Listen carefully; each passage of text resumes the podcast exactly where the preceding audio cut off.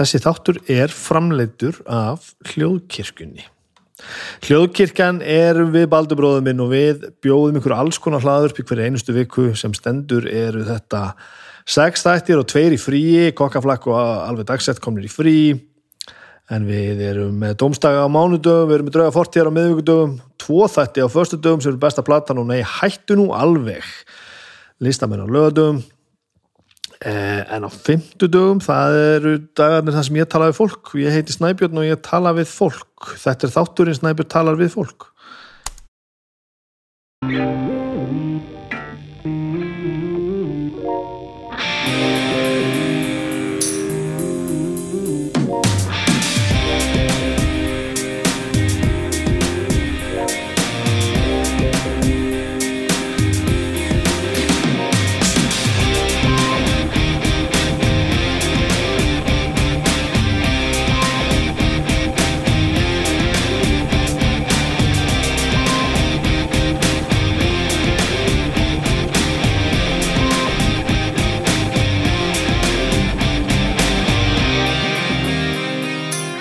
Komið sæl og blessuð, velkomin í þáttum í Snæbjörn tala við fólk, ég heiti Snæbjörn og tala við þetta fólk hvað er nú merkilegt þetta er þáttur nummer 54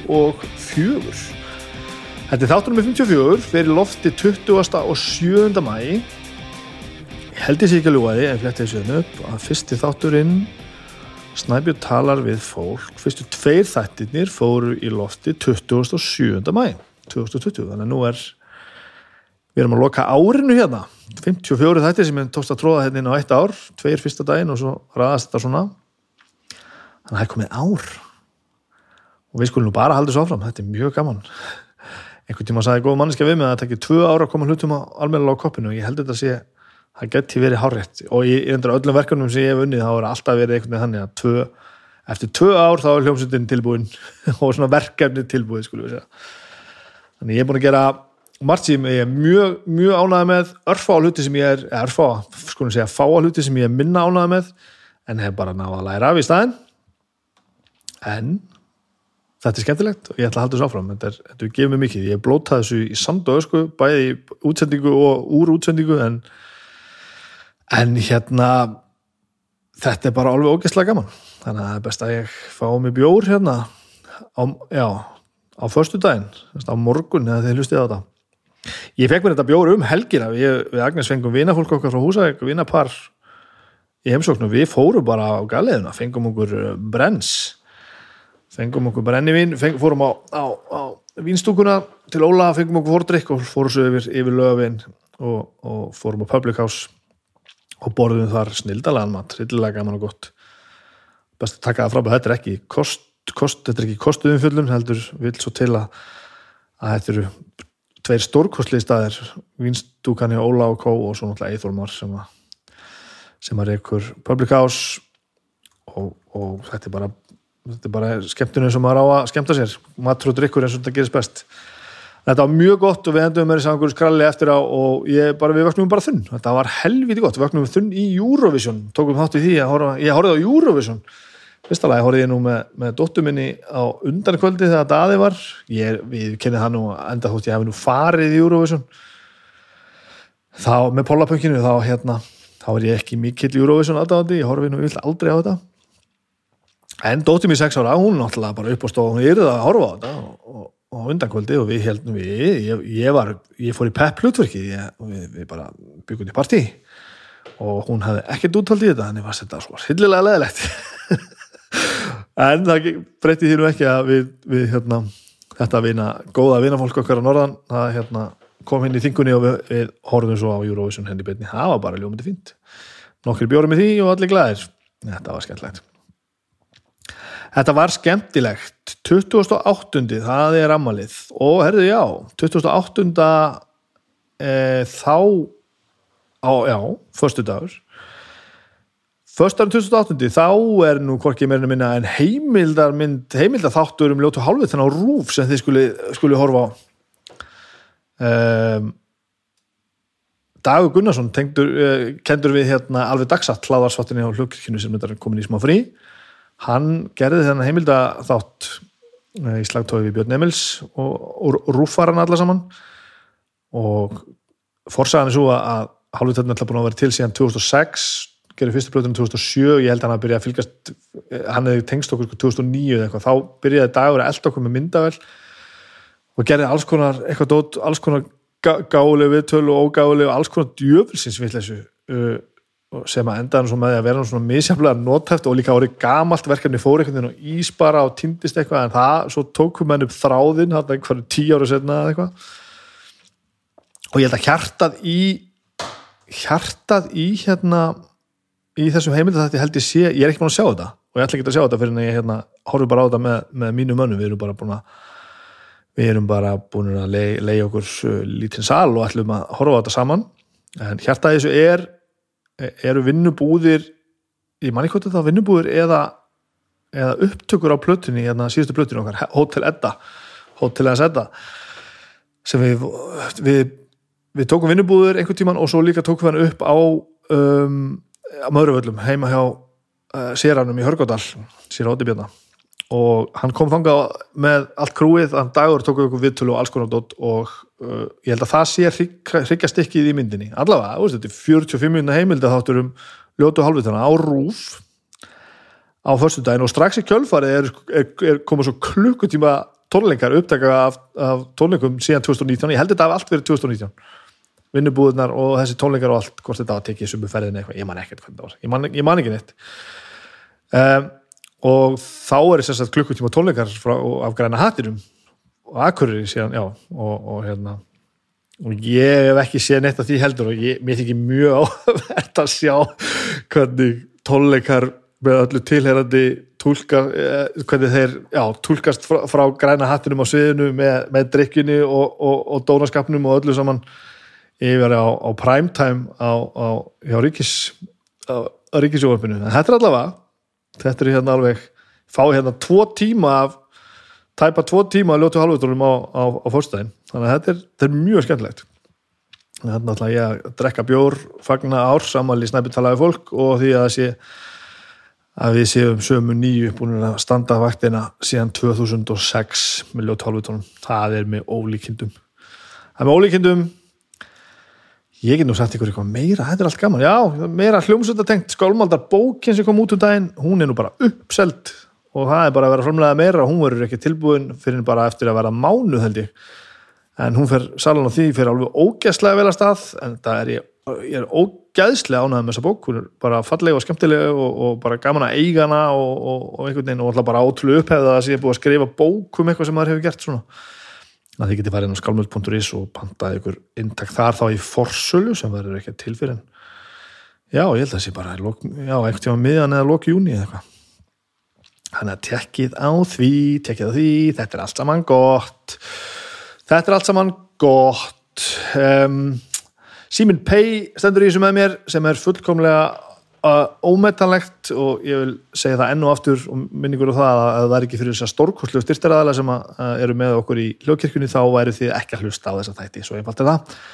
Þetta er, er, er heilinda fyrirtæki sem taka þátt í, okkur, þátt í þessu með okkur alla leið eh, og gera baldri bróðuminum það kleift að sitja og vinna hlaðapsætti alla daga endalust eh, Simin Pay er app sem allir geta hlaðið niður og, og notað burt sér frá síma fyrirtæki eða hvernig það allt saman er, öll greiðslukort, öll debitkort virka hlaðið niður uh, appinu sem heitir Simin Pay og þar getið innlókast alls konar tilbúð þið getið lagt bílnumingar, þið getið gert hitt og þetta.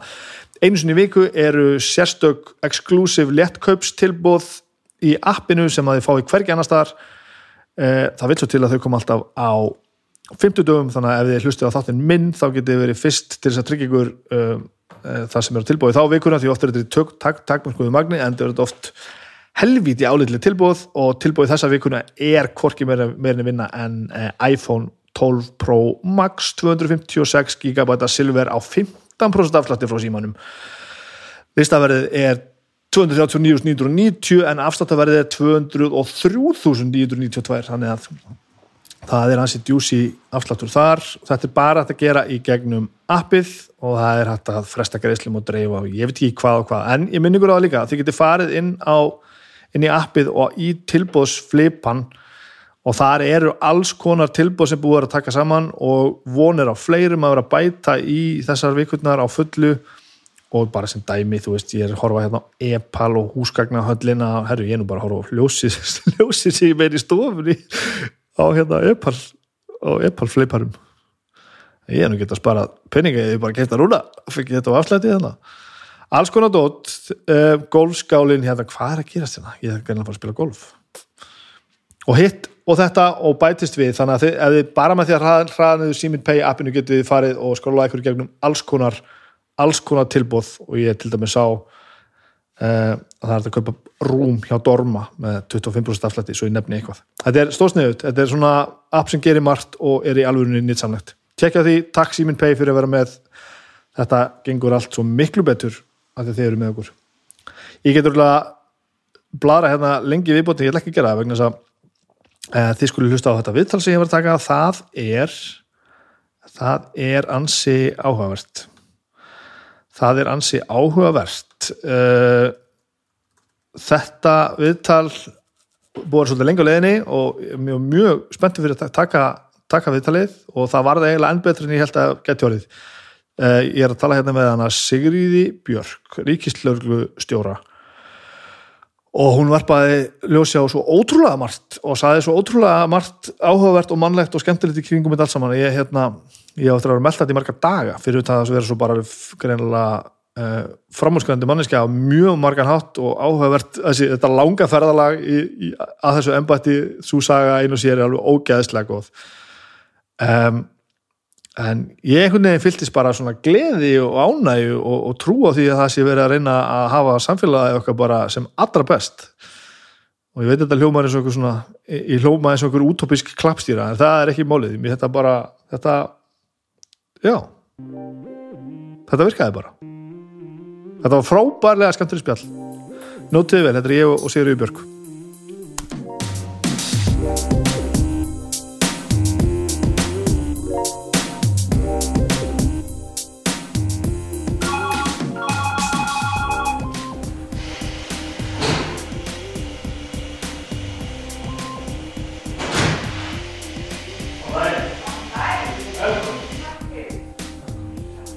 Við talaðum bara að byrja sko, ég er búin að setja í gang Ok, Draðu þess langt nál þér og getur alveg, ég er ekki með mjög háaröld sko. Nei, þetta er bara, þetta er alltaf leið bara, Ok. þú getur aldrei verið ofnálagt þá eru litli bróður minn sem að pródusur þetta mjög glaður sko. Ok, Erum við ekki þetta? Erum við það? ja, Hafa, prófum ja, þetta við með Já. Hvað er að byrja á þessu sko? Sko Ég Ég vil alltaf vita hvaða leið maður fer til þess að verða það sem þú ert sko ekki þú veist endilega þú veist, fyrir hvernig maður þarf að berjast og svoleið, heldur bara þú veist ég til dæmis þekki held ég engan sem svona default hefði farið í svona jobb sko og ég, alltaf ég hitti svona fólk er ég bara þú veist, varstu skrít í badn Já, ég get alveg sagt þér þetta er nefnilega mjög skrítin leið og alls, alls ekki bein eða breið sko. Ok. en þess að, að þegar ég var ung og, og hérna var að klára lögfræðina að það langaði mig mest að vinna í Brussel ég var sko algjörlega samfærum það að við yrðum að fara inn í Evropasambandið og við yrðum að hafa röddar að því við værum sem er að fá mjög mikið af, af þessum, þessari löggjöf allri. Og ég, við, ég dref manni minn og var lítið badn, við eignast fyrsta badnið okkar mjög ung og við förum til Kaupmannhafnar þar sem ég ætla að læra Evróbrett en í millitíðinni hafði ég unnið í sem sagt tvö ár hjá skattinum. Og maðurinn minn var í námi í Guðfræði og fór í prestaskóla í Kaupmannhöfn og ég var fyrir við annar hluta þannig að ég samti við skattin að ég fengi að taka svona verkefni einhver spennandi verkefni sem ég fengi síðan bara borga fyrir ef ég geti komið með einhverja hugmyndir. Svo ég tók skattarétt bæði hérna venjulegan skattarétt fyrir einstaklinga og svo eitthvað sem hétt erverðstrífinni skattarétt. Og ég meina skattalögin okkar voru pínlítil en skattalögin í Danmörku voru mjög stóra flókin. Og ég tók allskinn spennandi fögarna en fjall fyrir skattaréttinum ég veit, það var mjög sérstakt. Og ekki fyrir eurobrettinum þá ég tæki eurobrettin Þetta til dæmis ertu bara komið á okkur stað sem ég er bara, wow ég veit það. Og það sem meira er að lífið er svo skrítið af því að ég er reykvíkingur í þriði ætlið og maður minn eru smá upp á hverjunu og við ætliðum alltaf að búa í Reykjavík helst í Vesturbænum, það var bara þannig. En allt í einu er við komin til Danmörkur hérna, Kaupmannhafn í eitt ára læra.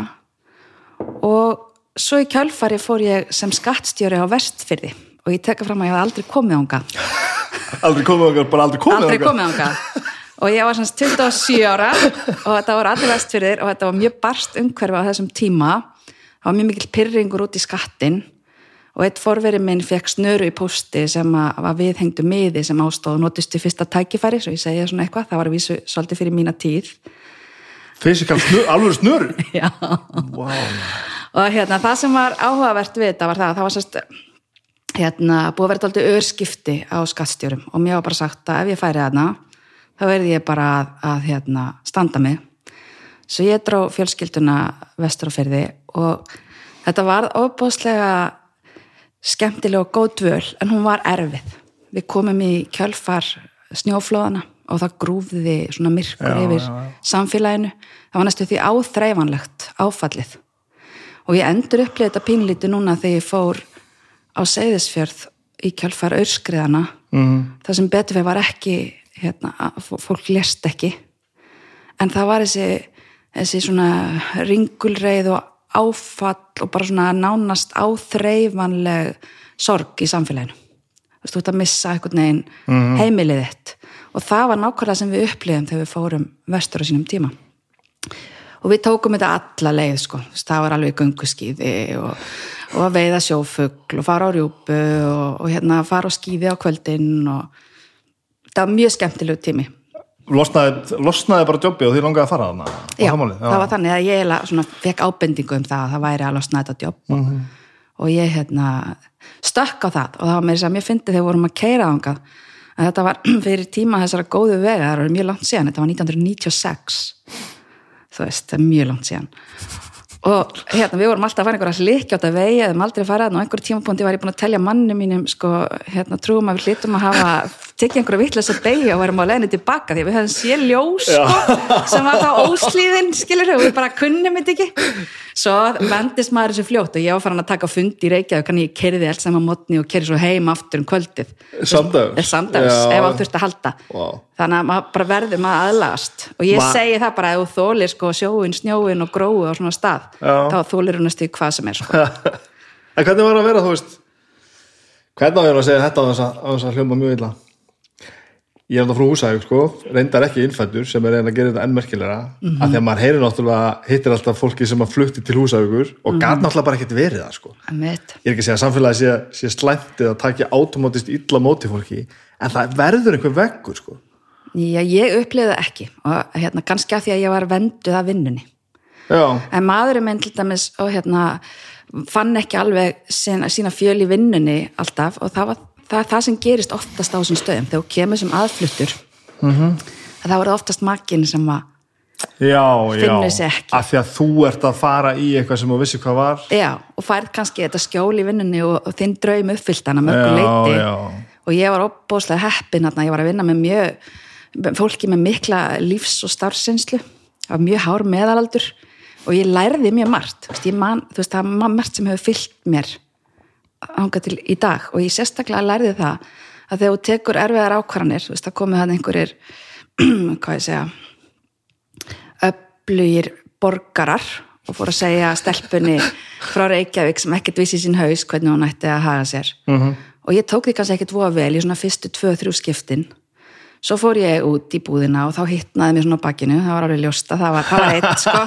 Svo fór ég á flugvöllin og það gerist það sama og svo fór ég í kirkjuna og það gerist það sama Já, já. þannig að ég áttaði mig á því og það er það sem er að nýtast mér á hverjum degi það er að þú þarft að horfast í augu við allt sem þú þarft að skilja þannig við að þessi hægt að, að útskýra og eiga þú veist, þó sést að gera erfiða hluti að þú reynir að gera þá af þeirri virðingu að þú getur mætt viðkomandi og fengið kaffibotla eða semst bara umgengist viðkomandi án þess að það sé einhverjir eftirmálar en auðvitað eru við að umgangast fólk á erfiðustu tímum þess í lörglunni en ég er ekki búin með ferðalæð okkar sem er náttúrulega bara mjög fyndið sko. sko En allavega maðurinn minn sækir síðan um að verða prestur Íslandingi í Svíþjóð.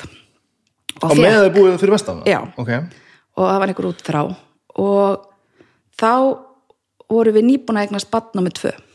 Þannig við eigum einn ísfyrring. 12 árum setna Nei, það, það var átt ára að elsta batna okkar var átt ára Já, já, og þarna var, var hérna lítill gutti kominn og, og þegar hann er bara er mjög ungur, bara nokkra mánaða þá flyttum maðurinn minn til Svíþjóðar og ég var nú eitthvað að þrjóskast við að vera skastur að eitthvað áfram og ætla, við ætlum svona eitthvað að fljúast á bara.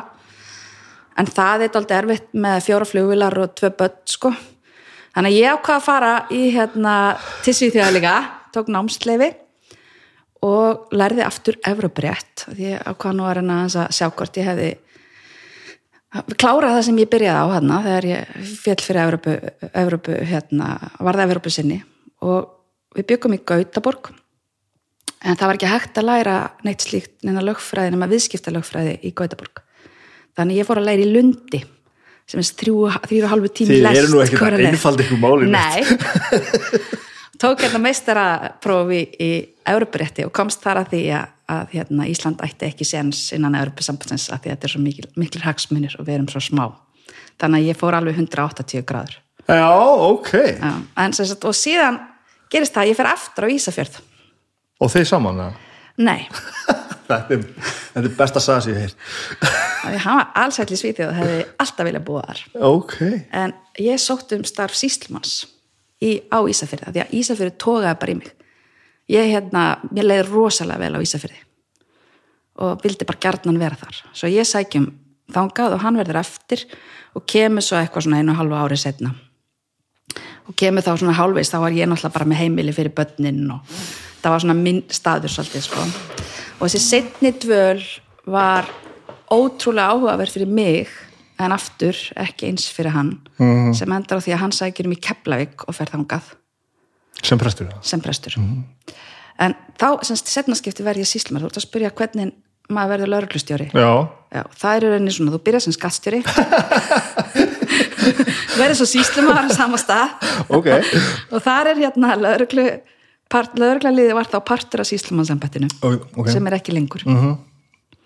og lauruglan bara hendar mjög vel hérna, ég, mér fannst hún mjög skemmtileg.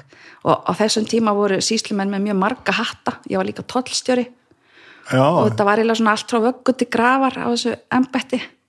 En mér fannst lauruglan miklu meira krefjandi og skemmtilega heldur en uppbóðinn og, og hérna skilnaðinir og það allt saman. Ég, það hendaði mér ekki eins vel. Og svo fer ég til og tek ég eina hérna, mjög skrýtna beigju og er flutt til ríkislauruglustjóra 2006 til að búa til greiningadild Þar sem þú ert núna? Já, Já. já, var þar í, síðan ílindist þar og var hérna vara ríkislörgstjóri eða Hvað er aðstoðar. greiningandelt? Nú ert nú ertu komin á staði heilunum með mér sem þarf að fara að rembast, sko. Já, ég skal segja það eftir. Ég ætla að fá að klára þessa sögu Áklára það fyrir ekki og hérna þá bjó, bjó þess flutt ég í kep, til Keflaugur en vann þá hjá ríkislörgstjóra svo sótti, svo losnaði embætti lörgstjóra svo söðunisum og þá fór ég þangað. Svo voru gerða breytingar á öllu umhverfinu og síslumenn og lörglustjórar aðskildir. Og þá fóru allir lörglustjórar landsins í einhvers konar svona breytingu. Og þá var ég flutt til höfuborgarnar fyrst og fremst til þess að breyta heimilisofbeldi. Og svo var ég búin að vera í höfuborginni í tæp 6 ár og þá sæk ég með embætti ríkislörglustjóra þannig að nú er ég komið alla leðina Vá, þetta er magna, sko. en þetta er samt bara hálf sagan, sko. Að því, þú veist, og þetta er mjög skemmtilegt og þetta er náttúrulega briljant að sjá hvernig þú veist hlutinni fara og einmitt þetta bara alls konar, við vorum 20 ári burtu úr borginni sem við ætluðum alltaf að búi en núna loksins búum við í Vesturbænum. Það tók 20 ár sko. En ég hef líka áhuga að vita sko þú veist, hvaða mindset er þetta sem að kemur þessu sko af, þú veist, þú fyrir lögfræði. Hvað, hvaðan kemur undan því og af, af hverju fær maður brennandi áhuga á þú veist, Ég ætla aldrei í lögfræði, ég ætla að fara að verða leikskólakennari ángríns, ég er semst engabann og dyrka það að vera með krakka og hef alltaf viljað eigna stóru fjölskyldu og vera með börn. Okay. en ég var með mjög góðar engunir, ég er mjög góður námsmaður. Og ég var í bandaríkjunum hjá föðusistu minni þetta sumar sem að ég kláraði mentskólinni í Reykjavík og fóreldra mínir sóttu um fyrir mig í skóla og pappi bara talaði mig inn á það, ég er það að fara í lögfræði það væri synd að nota ekki nota ekki Ó. þessa námshæfleika það var á þeim tíma sem að klásusinn var og þá fúst hann okkur í lögfræði eða læknisfræði Akkurat. og ég var að formmálabraut þannig að ekki var ég að fara í læknisfræði þannig að þetta var ekkert einhvern veginn, þú veist Nei, og mér fannst ekki gaman fyrst sko. ég þraukaði bara og mér fannst lögfræðin aldrei einn sérstaklega skemmtileg ég var ekki svona þú veist, ég fann mig ekki sérstaklega í náminu ég egnaði spann í náminu og, og hérna og einhvern veginn bara, já, ég fann mig ekki sérstaklega í þessu, en svo fannst mér mjög gaman að vera skattstjóri og vera þar að sökka mér honi svona djúft inn í fæið Hvað farið þið þá til að tikka þar? Hva, hvað er gaman? Ég skilða ekki alveg núna því núna hef ég enga þólum að ég að sökka mér svona djúft nú er ég bara með heilan hera lögfræðingum og ringi bara í þá og segist, getur þú tjekkað þessari greinagerð og getur þú farið alveg á kaf? En þetta er það, að kafa onni og skoða. Já, það var það einhvern veginn og það var líka svo skemmtilegt og veist, það er svo gaman þegar maður er komin á annan aldur að flutandi fara í ring -hmm. og þegar ég var skattstjóri þá hittust við alltaf mánaðarlega hjá ríkiskastjóra og því að það skipti máli hvernig þú sem skattstjóra vestfjörðum tólkar einhverja lagagrein það skipti máli fyrir skattstjóran á austfjörðum. Það er við sengi skattstjóra Já. lengur nú er það bara skatturinn sem er eitt embætti. Bara stilla saman úrin bara Já. já, já. og þetta hefur vantað í okkar geira. En núna í byrjun ást 2020 var stopnað lögreglu ráð Ok, sem er allir lögreglustjóra landsins koma núna mánaðarlega með ríkislögreglustjóra. Og við tölum saman og finnum hvernig við viljum hérna, halda á málum. Þannig að við erum komin með sama fyrirkomulega og væri skattinum á sínum tíma hefur þetta senstur í vandamál að fólk er ekki að vinna hlutinu eins allstar á landinu? Eða tólka hlutinu vittlust eða annað vinnu lag eða kannski er það líka þannig að þetta er sko, þetta er margþætt eins og allt. En sem sagt, embætti ríkislörglustjóra á að búa til verklagsreglur fyrir alla. En er kannski ekkit endilega alltaf eins nálagt verkefninu og embætti þyrft að vera Já, til já, að ég búa til verklagsreglunar þannig að þetta er verið að tryggja samstarfið þannig að verklagsreglunar þjóni embættunum og ekki bara þessu stærsta embætti sem er Reykjavík Já, já, já. heldur líka sérst, út á landi þar sem er kannski aðeins öðruvísi aðstæður. Og þetta eru ólíkt umhverfi og ólíkar áskoranir út um land allt. Eins og við tökum til með Suðunes sem er rauninni fjölbreyttasta embættið. Af því að það er eftir með flugvillin Mm, gríðarlega umfangsmikið. Og það kemur allt upp þarna mjög mikið af skipulari glæpastar Já, auðvitað. og allskins hlutum og, og hérna og svo ertu líka með hefðbundi hefðbundna hverfalögjaslu og kynfyrirsbrotin og allan þann pakka -hmm. þannig að það er mjög krefjandi embætti en samanskapið mjög skemmtilegt og þannig að ég sést, þar eru þar er áherslan til dæmis á hérna, mjög mikið á fólk af erlendum uppruna, á föri við landamæri og þess áttar á meðan á Austurlandi er það ferjan Já, auðvitað. á vestfjörðum er það almannavarnir. Mjög mikið þar sem þú þarfst að fylgjast með veðusbáni, passa upp á að hérna, loka veginum að hestusonum, það sem þarf að fara að gefa það með ekki gefa, fara jafnvel með fólki fyllt, björgunarsveita til að gefa rósonum að því að það er snjóflóða hætta. Þetta er bara svo gýr álitt Suðurlandi, þar ertu búin að vera með allar þessar jarðhæringar og þeir eru fremstir í almannavörnum sem, sem umdæmi. Já, og það eru bara búin að ná ótrúlegum árangri í samtali við borgarana. Sest, bara íbúafundir, undibúningur áallanir, hermanir þannig að allir vita hvað er hafa langan tíma ef þetta gerist. Þannig að þetta er svo ólíkt. Og svo ertu með höfuborgarsvæðið það sem að með sérfræðinga sem geta hjálpa til og mjög svona hvað ég segja já, velmenta og öflutt lið en hrikalega mikið að gera. Og Já. hraðin alveg ofbóðslega mikill. Það er svona hraðasta embætti sem ég hef unni hjá. Já. Hvað kallar það hraðasta? Bara mest bara ofbóðslega mikið magn af málum. Og þú þarft að og fá, fáar hendur. Og ég, eins og þetta sko. Þetta allir með sker ég mér bara enga grein fyrir hvað það er mikið sko. Bara hversu mikið er að gera. Hvað, yfir 120.000 eða yfir 100.000 hérna útköllega verkefni lauruglu og við erum með Á- fjög, á ári. á ári? Mm, og, yfir, og, og hérna við erum með rúmlega 400 manns þar kannski 450 sem starfsmenn þar af rúmlega 300 lauruglumenn á vöktum. Þannig að það er og, og, Fuck. og það er alveg brjálæðislega mikið af málum. Og það er mjög duglegt fólk og það sem að bjarga, bjargar því er þetta er orðið sko mjög svona hvað ég segja, viðskiptalegt umhverfi. Við erum þjónustu fyrirtæki, lauruglan sem þýðir það að við þurfum að veita þjónustu, það það þýðir ekki að einhver mál grafist undir og fyrirnist nei, um og það, það er hættan þetta er svona mikill stappi af málum þannig að við erum með svona business intel eða semst bara málaskrá og erum að passa upp á að flæðið sér rétt og, og þetta er bara mjög mikil áskorun sko. En, en þegar þú ætti að segja þetta, þá er einhvern veginn opnast augum hans fyrir því sko að e- er eitthvað sem kemur löggun ekki við? Er ekki einhvern er veginn löggan alltaf allstað? Jú, það er bara, hún er allstar og eins og í litlum sveitafélögum það er þetta þannig til dæmis að við getur verið með greiðlega víðfemt umdæmi eins og á Norðurlandi Mhm. -hmm. Og það kemur stórt útkall. Já. og þú þarft að, hérna, þú missir fólk í langan tíma í Af útkalli svæðinu mennur, já. já, sem sagt. Það sem að kannski það færist í stór hluti af liðinu. Já. og það þarf að, þið þurfa að kunna í rauninni allt, það er ekki að kalla til sérfræðingana jú, þú getur frist vettvangin og beðið eftir að tæknideldin komi Aha. ef þetta er þannig mál. En menn þurfa að geta leist svo margt. Að þetta er svo áhugavert og sem lögregla lögreglumæður þá, þá er svo ótrúlega hérna, margt sem þú getur gert. Og svo ertu með embætti ríkislörglustjóra sem er líka með fullt áhugaverðin deildum eins og greiningadeildin sem ég ætla að fara að svara með eftir smá tíma. það. Er svo margt sem við þannig. og svo ertu með alþjóðadeild. Þú ert með hérna, almannavarnir.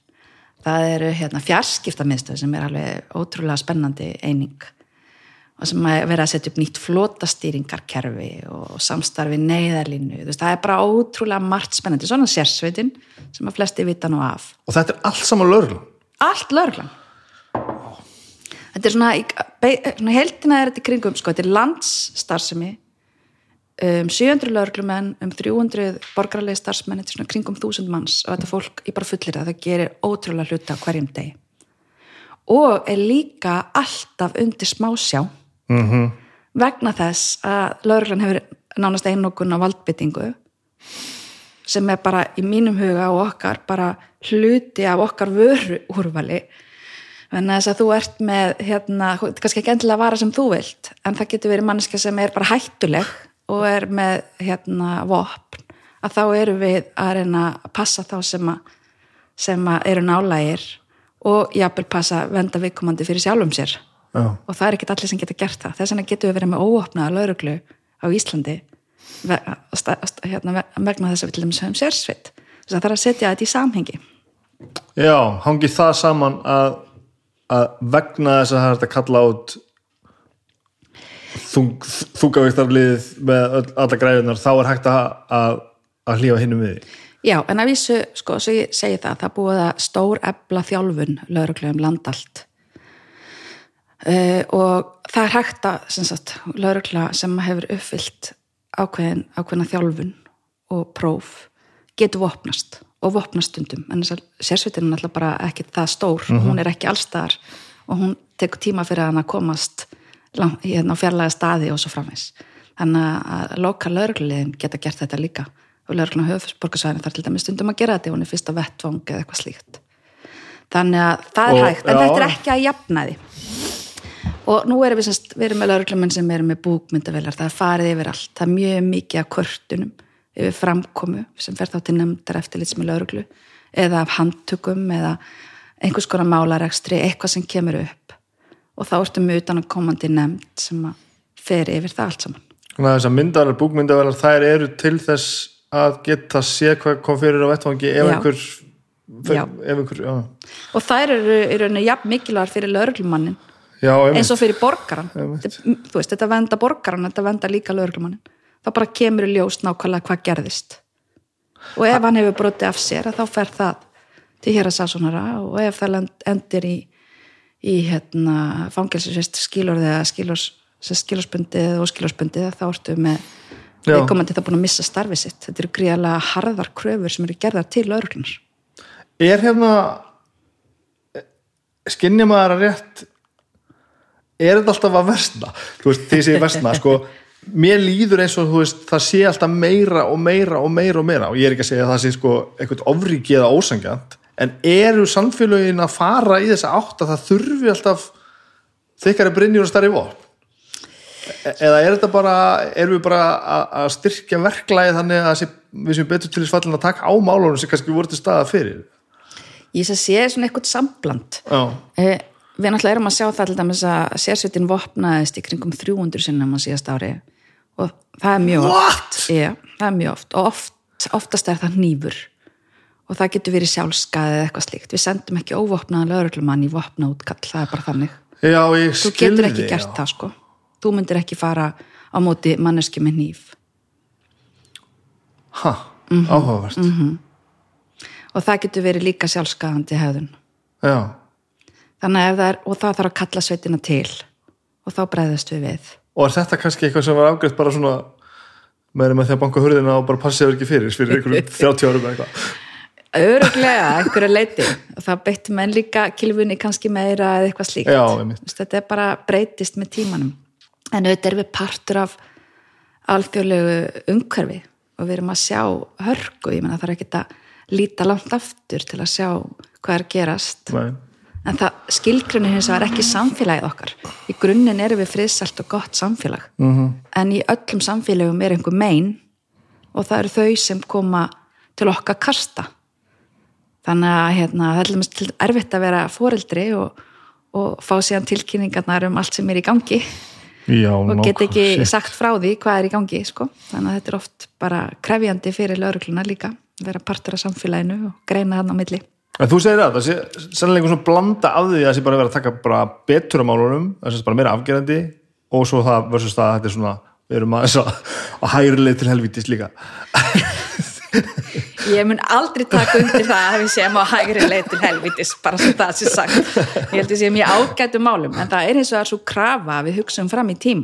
Mm. Og bara sem dæmi að þegar ég var hér síðast hjá embætti ríkislörgstjóra 2008 eitthvað svo leiðis, þá voru við að gera hérna, áhættu mat og sannsagt viðbras áallun út af mögulegum heimsfaraldri influensu sem síðan nýtist sem grunnur Já, inn í, inn í, inn í hérna, COVID núna. Við erum að hugsa fram í tímanum, við vitum hvað gerist. Það eru til viðbrasáallanir um mjög margt. Að við erum búin að virka mjög mikið núna til dæmis gróðureldar er eitthvað sem að ég bjóst kannski ekki endilega við að það myndi virkast veist, þannig að við erum með áallanir og við erum með þjálfun og við erum að reyna að horfa fram í tíman og við erum hlut af alþjóðlegu samfélagi. Það til dæmis skiptir okkur mjög miklu máli þetta alþjóðlega samstarf. Og við hefum haft fulltrúa hjá Európulörglunni í Europol núna í hvað, alls ekki að verða 15 ár. Mm. það skiptir okkur mjög miklu máli ef það eru alþjóðlega rannsóknir sem við erum stundum í Já, sem að þetta tegir sér til margra landa. Að þá erum við í samstarf og þá er okkar fulltrúi úti og tengir saman og passar að allir séu að vinna í takt Mér líður bara eins og, ég er 43 ára og mér líður bara sem þegar ég var barn og unlingur þá hefur löggan bara verið í því bara að, að þú veist, að passa að allt verið lægi sko. Í það var náttúrulega að saga maður þessi þetta þegar einhver hérna, þegar það var innbrota þá var bara farið á keisarann og skoða hver var að bjóða í glas basically eitthvað svona, þú veist. Og en, bara en auðvitað vorum við líka með manndróp Já, og ég meina við vorum með það, við horfum til með svo heimilisofbildi þú vissir að þú myndir ekki komast upp með að fá mér engan nema ég myndi nefna það sko. Nei, en ég meina, já, þetta er það sem ég, en ég meina var að það koma næst sko. helmingur af morðum á Íslandi. Um það byrja helmingur. Það eru heimilisofbildismál Já, og það er þetta hefur verið svona, já. Það er við það sko, þá fyrir við að tala um það að, að á meðan þetta var bara svona óbúslega eitthvað aðgengilegt og þægilegt og lögum var bara eitthvað svona í, í, í, að leysa málin í róleitum var ekki bara fullt af málum að það sem bara var ekkert verið að gera neitt í sko heimilisofbeldi var einhvers konar, það var einhvers konar skömm held ég sem að kvíldi yfir því. það þurfti að opna umræðina og hérna þurfti að styrkja þá sem að eru þólendur og þeir átti sig á því að þetta er ekki þeim að kenna það þeirra sög og þetta er bara, þetta er sem sagt svona ofbeldisringur, byrja með spennu síðan kemur hérna þetta ofbeldi svo kemur svona sátta tímabilið og svo kemur góða tímabilið. Og fólk var bara í þessum ring og þetta gatt farið yfir kynsluður þannig að þú veist alveg upp við hennar ring og þá ferðu sjálfur í ofbeldissamband annarkort sem gerandi eða þólandi mm. og við þurftum að breyta okkar nálgun og okkar skilningi og bara þólendur í rauninni höfðu ekki rödd, þeir eru bara rétt núna að fá rödd, bara sem dæmi núna erum við að fara á stað með það og það er byrjað að hérna, þólendur kynferðisbrota geta skoða hvað málið er í statt í kerfinu bara sjálfur, geta flett upp og komist Já. inn í kerfið, þau geta séð hvort að málið er í rannsókn eða hvort það er í ákjæru meðferð og þeir eiga að geta séð hvað eru mörg sambarileg mál þannig að þú ert ekki einn. Og fram að þessu hefur þetta bara verið þannig að þú ert alveg bara in the blind, þetta er bara einhvers stær í Já, kerfinu. ég meina þetta er bara raunverulega þannig að fyrir bara svo fáum árum síðan að þá var það þannig að þú varst fyrir kynfyrirsbroti og þú bara beðst við hérna lúuna í ár, tvö ár. Og svo kom bref sem hann skildir ekki. Þetta er bara ekki bólegt sko. og við höfum verið að reyna að laga þetta eða ekki reyna, við höfum lagað þetta Já. mjög mikið. Og þólandin er allt í einu orðin aðili ekkert allt í einu, þetta er búið að gerast með blóði svit og tárum sko. Orðinn- og, og hérna allir þessar samtaka og allir þessar, hugrakka fólks sem hefur stíið fram. Og með því að stíga fram og með því að, að ræða málin þá, þá líka fá aðri hugrekki til þess að leita rétta síns. Já, En þegar ég byrjaði 2002 sem lauruglustjóri þá var þetta alls ekki þannig. Og það var umverulega þannig að þegar bladamenn ringdu þá voru þeir að trubla sko. og þegar fólkið sem var með mál ringdi að það var bara, heyrðu, þú ert bara í bunkanum sko. það kemur að þér. Þú veist, viðhorfi var ekki við að þjóna þér. Nei það hefur breyst mjög rætt þannig að þetta var svona í alveg að ég man alveg eftir þessu umtali sko. í, þetta var svona alveg klárlega. Já, allavega var það mín upplifun. Það getur vel verið að einhver aðrir hafa haft þetta einhvern veginn öðru en þetta var mín upplifun. Já, og það er ekkit sko, bara það að átta sig á því að til dæmis fólk eins og þú og bara fréttamenn sem er að tala við samfélagið eru jafn mikill hluti af hérna, réttindakerfinu skilur þeir eru að upplýsa um það sem skiptir máli akkurat og gefa rödd sagt, til þeirra sem að þurfa á því að halda. Þannig að það var bara eitthvað sem að, hérna, að það er ekki verið þetta var ekki einhver einhver ágreiningur hérna á milli, við erum að vinna sama markmiðinu, við fyrir kannski mismunandi leiðir ef við erum bæða þjóna samfélaginu. Ég man alveg eftir frekar svona skarpri að manni fannst ímyndar breytingu sko. Þar sem að manni leið bara allt í einu bara löggan alltaf bara hérna, einhvern veginn að, hérna, vera bara næs, eða þú veist, vera næs. Hvað, hvað, hvað er þetta, alltaf bara að vera með okkur í þessu einhvern veginn sko. Að því að maður var aðeins fann að upplifa bara svona já, hringi bara lögguna. Þú veist, sem var bara vesen sko. Nú er þetta bara, þú veist, einhvern veginn er maður bara til í það. Það er bara svo margt, eins og bara með Facebook skilur, þó að hérna persónavend sé kannski ekkert mjög hrifin af því að það séu enga skilabóð á milli nei, nei, en það er hægt að gera það þannig að þú sendir enga skilabóð og svo er, ertu sett í örgari farveg. En bara þetta samtal sem við eigum í gegnum fésbókina skiptir máli, Menni, Já. ég að fólk sem tala við mig bara á minni prívat fésbókasíðu leitar hjálpar, leitar upplýsinga. Þetta bara skiptir máli að vera aðgengilegur. Já, já, já. Það er kannski bara máli, þetta var allt í einu fólk sko. Þetta var fólk og þetta er vinnan okkar. Við erum ekki vinnan okkar. Nei, þú veist, þetta er vinnan okkar og við gerum eins vel og við getum í vinnunni störfin sem þú ert búin að vera að vinna og ert að vinna núna þa þarf maður sama mental til þetta og að vera, þú veist, lögga bara á bílum að keira um og passa allt sér í lagi? Eh, Já, þú þarft það. Og þú þarft að skilja það hvernig það er að vera lauruglumæður og ég fer einstaka sinnum út og það er bara mjög gott fyrir mig að fara með í útköllin og sjá hvernig þetta raunverulega er. -hmm. og það er ótrúlegt að fara til dæmis í bæinn þegar skemmtarnalífi stendur sem hæst og bara upplifa þetta á eigin skinni. Og Þetta er- útköllin fara í er- heimilis, fara í heimilis hérna, ofbeldis útköllin og finna bara sorgina sem er þar. Það er allir sorgmættir skilur og við erum til dæmis að reyna að horfa núna á hvernig við getum mætt betur einstökum hópum. Ég var svo heppin að við Eglu Harðardóttir fyrirverandi ráþera og núverandi kokkur eða kokkanemi og við fengum semst, heimildir og, og fjármagn til að styrkja einstaka hópa í tengslum við COVID. Af því að það var fyrir séð að það er því meiri einangurinn og þá ekst, getur ofbeldi aukist og færi tilkynningar. Og til dæmis bara það að sitja með þessum hópum sem við erum að þjóna, setjast niður og spyrja fallar konur hvernig getum við mætt eitthvað betur? -hmm. og það komu hugmyndir og sjónamið sem ég hafði ekki hugmyndum og ég er búin að vera lengi í þessu Já. Þess, þetta er svo dýrmætt að geta spurt kunnan -hmm. á hérna ennsku heitir þetta Ná, frábært. Outside in, þú veist, ekki hvað ég held að ég geti gert fyrir þig. Og ég veit að ég er alltaf að segja sömu sögurnar en bara ég fór til UNICEF einu sinni og talaði við ungmenni sem hefur orðið fyrir kynferðislega ofbeldi. Og bara hlusta á þau lýsa nálgun sinni og upplifun. Og til dæmis bara það að þarna voru unga konur sem að vildu geta valið hvort þær töluðu við karlkynslauruglumann eða kvennkynslauruglumann mm -hmm. að mann ég hafði fyllt kynferðisbrotadeildin af konum já, af því að ég bara ákvað það Já, það já. hlýtt að vera það sem að meiri hlutin þólenda væri konur Mhm. -hmm. og þess vegna þurfti meiri hluti rannsakara að vera konur það var bara alls ekki það sem konin vildi áhugavert þannig að það eru svona hlutir sem skipta máli Mhm. -hmm. og ég fór í ESE Business School sem var bara mjög flott sko, og hérna nýtt að prófa það að vera allt í einu komin hinni með við borðið og vera að horfa á laurugluna bara sem fyrirtæki í samfélaginu Já. og horfa á þess að rosalega hröðu samfélagsþróun. Og tilfingin og bara upplifunin sem ég kom eftir það var það að við erum bara á hlaupabretti sem þjónustu fyrirtæki og ef við hægjum á okkur þá bara þeitumst við af. Og það er það sem er kannski það sem hefur breyst. Við vorum með svo mikið stegveldi í lörglunni sem allar upplýsingar ferðust upp og niður eftir einhverjum hérna, stöðuheitum. En nú er þetta orðið miklu flatara við notum lín strömlinu stjórnun til þess að hafa ferla og mælingar og keira verkefni eftir í sprettum og allt þetta. Menna, við þurfum að pródúsera, við getum ekkert bara mætt og haldið að þetta gangi vel. Nei, við, verðum, við erum að fara með, við erum með ríkisfél lögreglan er með í kringum 18 miljardar sko. Já, já. Þetta er engin smá peningar sem að getur farið í heilbríðskerfið eða mentunina Einmitt. við þurfum að sína þjó, vegina eða hvaða nú er. Þetta er sko skattpeningarniðinni sko. Já þannig að það skiptir mála við sínum hvað við erum að gera fyrir þetta.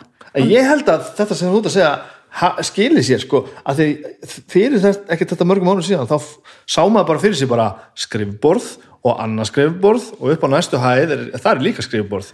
Og, og eitthvað svona, veist, ég veit ekki alveg hvað eins ímynd kemur sko. Eitthvað náttúrulega bara eitthvað svona bara mediatengt sko, maður er að sjá fyrir sér einhverja stereotypur sko en, en, en þetta fór einhvern veginn að fletjast út sko og þegar þú gefur fólki umboð og traust og bara allt þetta frábæra fólk sem starfar í lauruglunni Já, bara fólki sem er í verkefnunum og byrjar að spyrja, akkur er þetta svona? Akkur er þetta að gera þetta einhvern veginn? Já, já. Að þau fái farveg fyrir þá rödd og það er hugmyndir, fólki sem er næst vettvangi og að gefa þessum stjórnendum, þetta fari ekki allt í gegnum einhver einn, einn haus eða þrjá, við vitum ekkert best. Nei, nei. Þannig að við þurfum að gefa fólki umboð, en með umboðinu og hérna kvartingunni og traustinu það er líka að fylgja ákveðu umbralindi þú veist, þegar þú ert að fara svona hratt þá getur eitthvað klikkað, við þurfum bara að hafa það inn í formúlinni, sko. Að, já, menn það eins og með stafrana þjónustu, þú veist, þú ert að veðja á þetta en ekki hitt, Já, sko. já, þú veist, okkur erum við að taka þetta? Við reynum að byggja það upp á rannsóknum og þess áttar lendir maður aldrei í þú veist að verða bara að þú veist að tala um að fara inn í bæ sko um helgar til dæmis, svona eitthvað sem maður sjálfur hefur upplifað. Og ég er alveg vissum að ég væri staðar aðeins á öðru- öðrum stað þá, ég, þá myndi ég bara vilja banna þetta. Þú veist, ég, skemmtun er frábær sko. Finnst mjög gaman að drekka með fullanir í bæ og gera mjög oft aðeins sjaldan eftir eignan þessi börn náttúrulega. Sem betur fyrir bara blessaði með það að ég er bara í félagskap sem að hefur bara ógeðslega gaman að hafa gaman sko.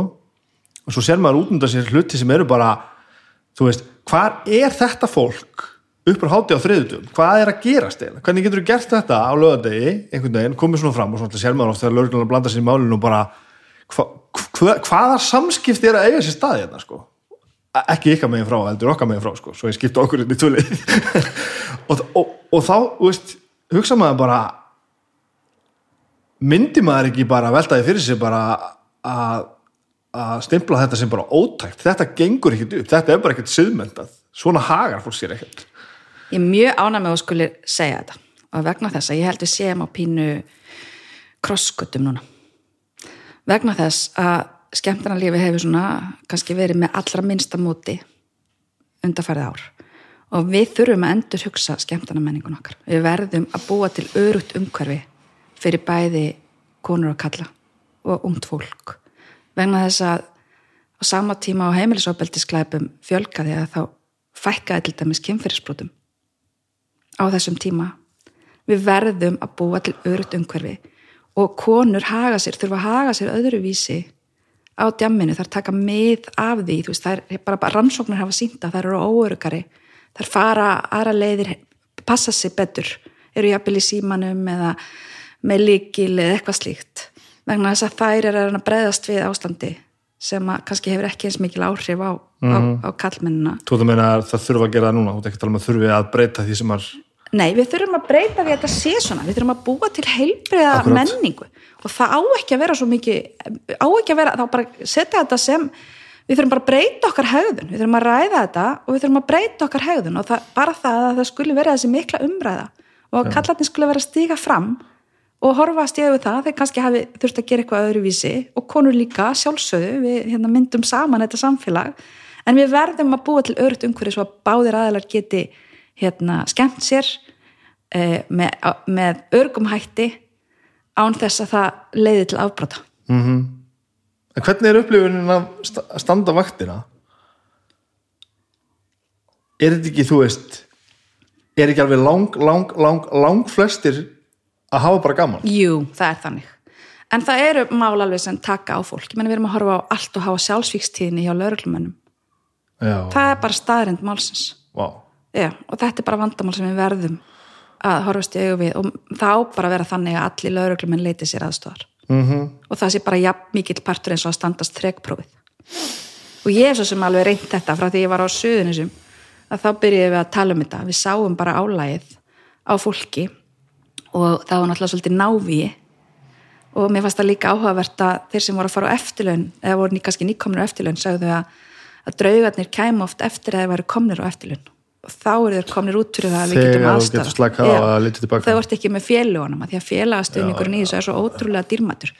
Og lauruglumæður út á vettfangi hann þarf að geta mætt hverju sem er og sumt eðlimál sem samkvæmt tekur fólk inn á sig.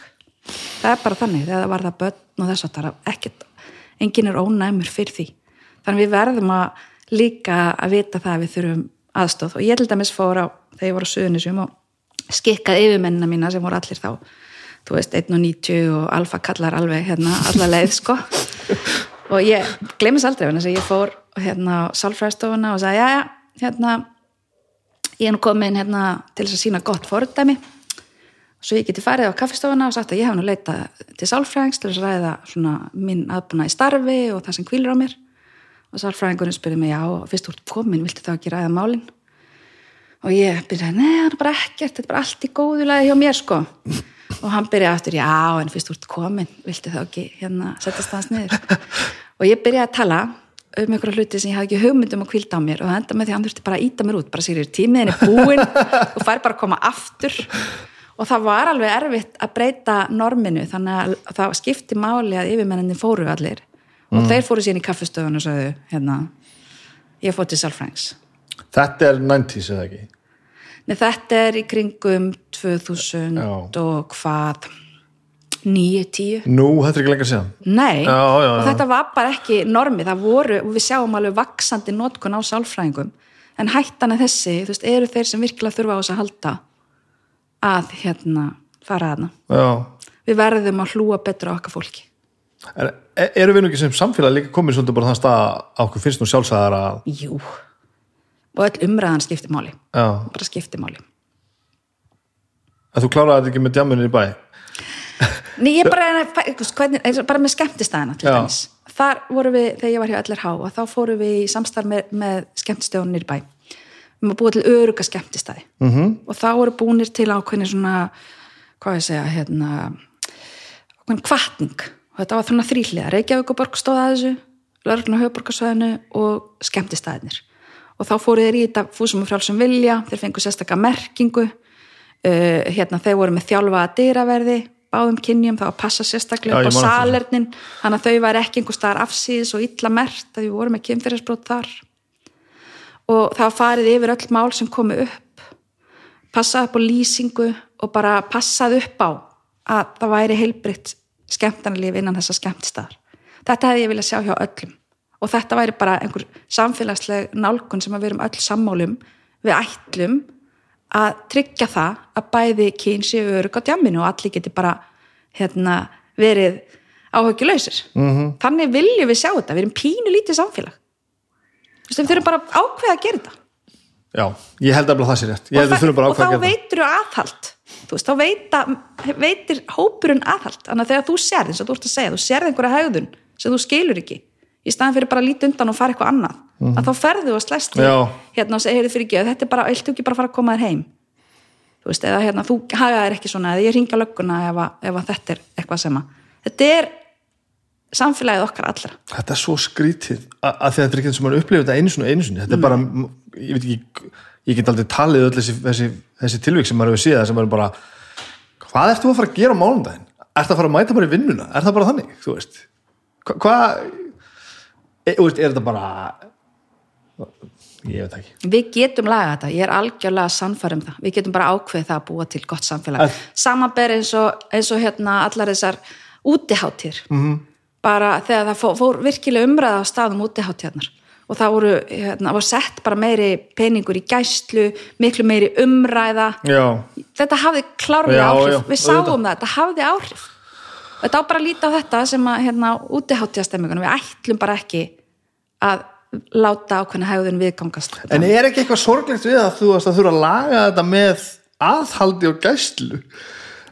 Jú, og ég setja aðeins sko, við hérna í þessum uh, þessum úrræðum sem við eiglu harða voru með, það var eitt af því var að svona íta stað uh, nýju kvenna atkvarfi á Norrlandi Eistra og þar mætti Sigþrúður hérna framkvæmdastýra kvenna atkvarfsins og hún flutti ræðu sem að situr mjög mikið í mér. Og hún var eitthvað á þessa leið, hún var mjög fyndin og Sigþrúður, ég get ekki, ég er ekki fyndin mannskjana, ég get ekki hérna, haft þetta eftir eins og hún gerða, en hún sagði hérna, sagði þetta einhvern veginn með komiskum hætti en þó þannig að það snerti mann. Að í tíu ár erum við búin að vilja að stopna þetta kvennaðatkvarf á Norrlandi eistra og við glæðumst yfir því að það sé gert. En er ekki eitthvað pínu undalegt við það já, að við höfum vita að, það þyrti úrræði fyrir, fyrir konur sem eru beittar ofbeldi í tíu ár. Og við séum ennþá á þeim stað. Við séum að fjölga úrræðum vegna hverna sem eru beittar ofbeldi. Já, það er þetta sko. þetta sem er svo undarlegt. Það vita allir að þetta bara þetta, þetta fer ekki fram hjá neinum, þetta er ekki engamál þetta er ekki engamál fjölskyld, eða parana sem um er að ræða, eða aðilana menn það er sjálfstætt batnavendabrótt þegar hérna batnverðu vitni að ofbeldi gegn og við erum að horfa á ofbeldi gegn öldru, við horfum á tvö mandráp á síðast ári. Þú veist, við horfum á hérna, kynfyrirspott gegn Alzheimer-sjúklingum. Við horfum á fjármunabrótt þetta er litla góða Ísland og við, bara, við verðum að taka bæði umræðana og vera meira vakandi og tegja okkur betur til þeirra sem að máli varð, passa upp á fræðslu og hérna þetta er ekki mál lögreglu, þetta er samfélagslegt mál. Við erum bara einn aðilin að þessu. Mm -hmm. og þess vegna fannst mér til dæmis svo frábært þegar Bjarkarlíf var stofnuð, við vorum einn aðila að Bjarkarlíf þar sem að allir hérna, aðilarnir sem að er að vinna með hópa sem er útsetti fyrir ofbeldi eru bara á einum stað, þetta er svona eitt stopp. Og þú getur komið og leita þar. Og núna er einni 2.is orðin svona stafræn samsverun, þannig að þú getur farið og átt með þess að samtal við neyðavörði gegnum hérna, semst bara svona messenger eða hvaða nú er. Og sérstaklega þegar þú ert að áttaði á því hvort þú ert í ofbeldi sambandi eða, eða hvað þú finnir að það er eitthvað sem er ekki lægi, þá getur þú séð þessar þessi myndbönd og, og allskyns þannig að þú getur svona, hvað ég að segja, fóta þig í þessu umhverju, kannski fyrsta sambandið eitthvað slíkt. Áhugavert. Og líka einstakir hópar sem eru meira útsettir fyrir ofbeldi eins og fatlaðar konur til dæmis, fatlaðar stúlkur Mark, markfallega meiri líkur á því þessi fjóru sinni meiri líkur á því að það verði útsetta fyrir ofbeldi hvernig gengum hann að viðhalda gleðinni þegar að, veist, þe- þegar það díla við allt þessi mál þú viðheldur gleðinni þegar þú finnur að það er eitthvað að þokast í rétta átt og þetta er náttúrulega kræklóttu vegur sko. þetta er ekki bein og breið braut sko. þetta er lítill vegur sem líðast hjá kvarfi sko. þetta er þannig hérna, þannig að þannig er þetta og það sem að mér finnst frábærast í minni vinnu og það sem gefur mér mesta gleði það er þegar ég sé samstagsfólki mitt bara bryðja hindranir, finna nýja lausnir og Já. berjast ótröytt áfram og það er það sem ég upplifa hverjum degi þetta er rosaleg manngerð sem þarf við sko. Já. ég, ég bara, þú veist ég þakka náttúrulega öllum, öllum sem gott er fyrir að, að fólk skuli gera þetta sko. en að samanskapi ég bara ég bara fyrsta lagi held ég, ok, ég hugsi gæti þetta nú sko, með réttri þjálfun held ég að ég myndi nú svona, þú veist, ég sé nú kannski nógu, nógu eitthvað til þess að þú veist ráða við það. En, en sko að ég myndi við, ná, viðhalda bara viljanum og, og sjá tilgangin í þessu. Það er það sem ég ströggla við að veist, ég bara, ég átta mig ekki alveg á því hvort ég myndi bara hvort það myndi gerast sko. það er ofbóðslega gott fólk í lauruglunni og ég held að flest, fólk er ekki að fara að nota laununum sko, þú veist það er að fara að vegna þess að það vill láta gott af sér leiða. Margir hafa upplifað eitthvað. Þú veist, já, þetta er bara svona person, persónulega mörgum tilökum er það þannig. Og svo byrjar og það eru bara þeir sem að virkilega hafa eitthvað, þeir sem ekki hafa eitthvað þetta að gera að þeir ílengjast ekki. Ég man samt að maður hugsaði um að þetta hlýtt að vera eitthvað að þessu hlýtt að vera sko aðlandi að því ég man þetta rosalega mörgum vinum og félögum sem byrjuðu einhverju sumastarfi í löggunum Húsavík og eru lögreglur í dag sko. þannig að eitthvað er sem tógar þegar þú komin á staðin það er þannig.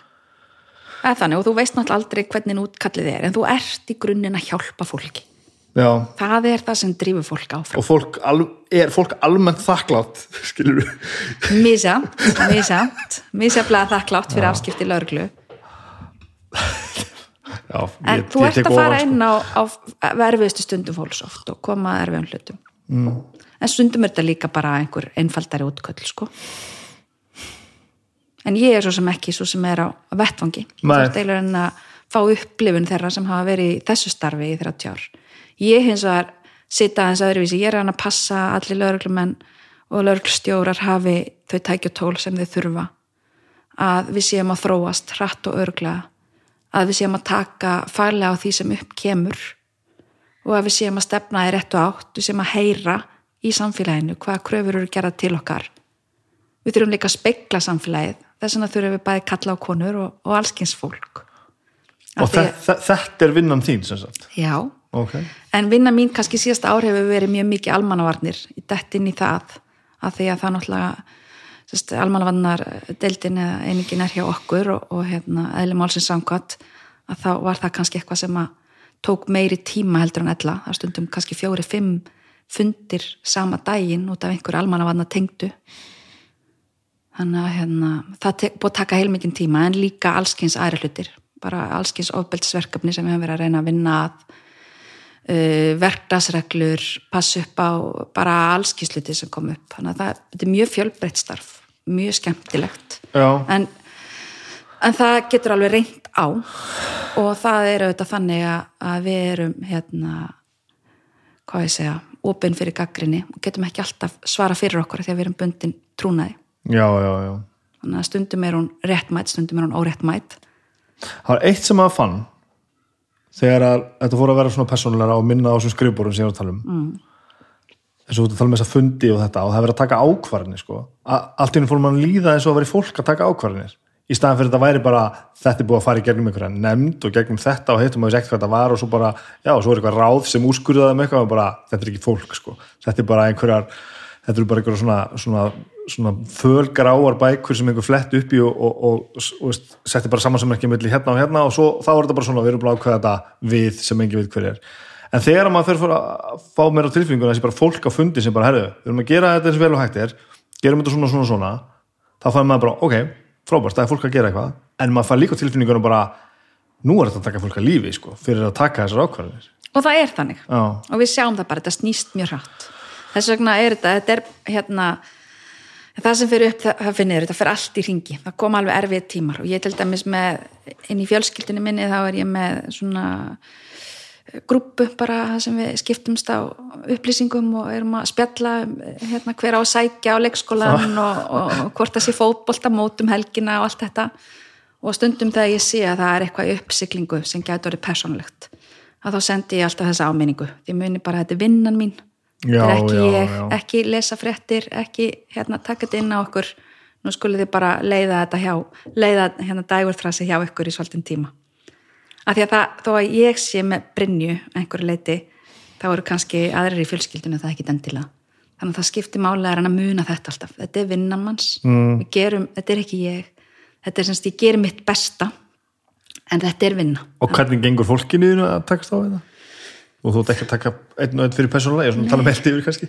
Þau eru hérna bara nokkuð brött með þetta held ég. Já. svona oftast að kannski einhver, einhver sem er viðkomar en, en annar en hérna ég er með svo dásamlega barnabönn sko, barnabönni mitt hérna, er alltaf svo glöð þegar hún sér ömmu sína í, í sjónvarpinu. Henni er alveg saman hvort sem neikvæmt eða jákvæmt alltaf rosa hátíð hátíð því að henni. Alveg "Amma!" þá sér verið að hérna, taka alveg okkur gerður þetta ekki hvað hérna? Þú veist það.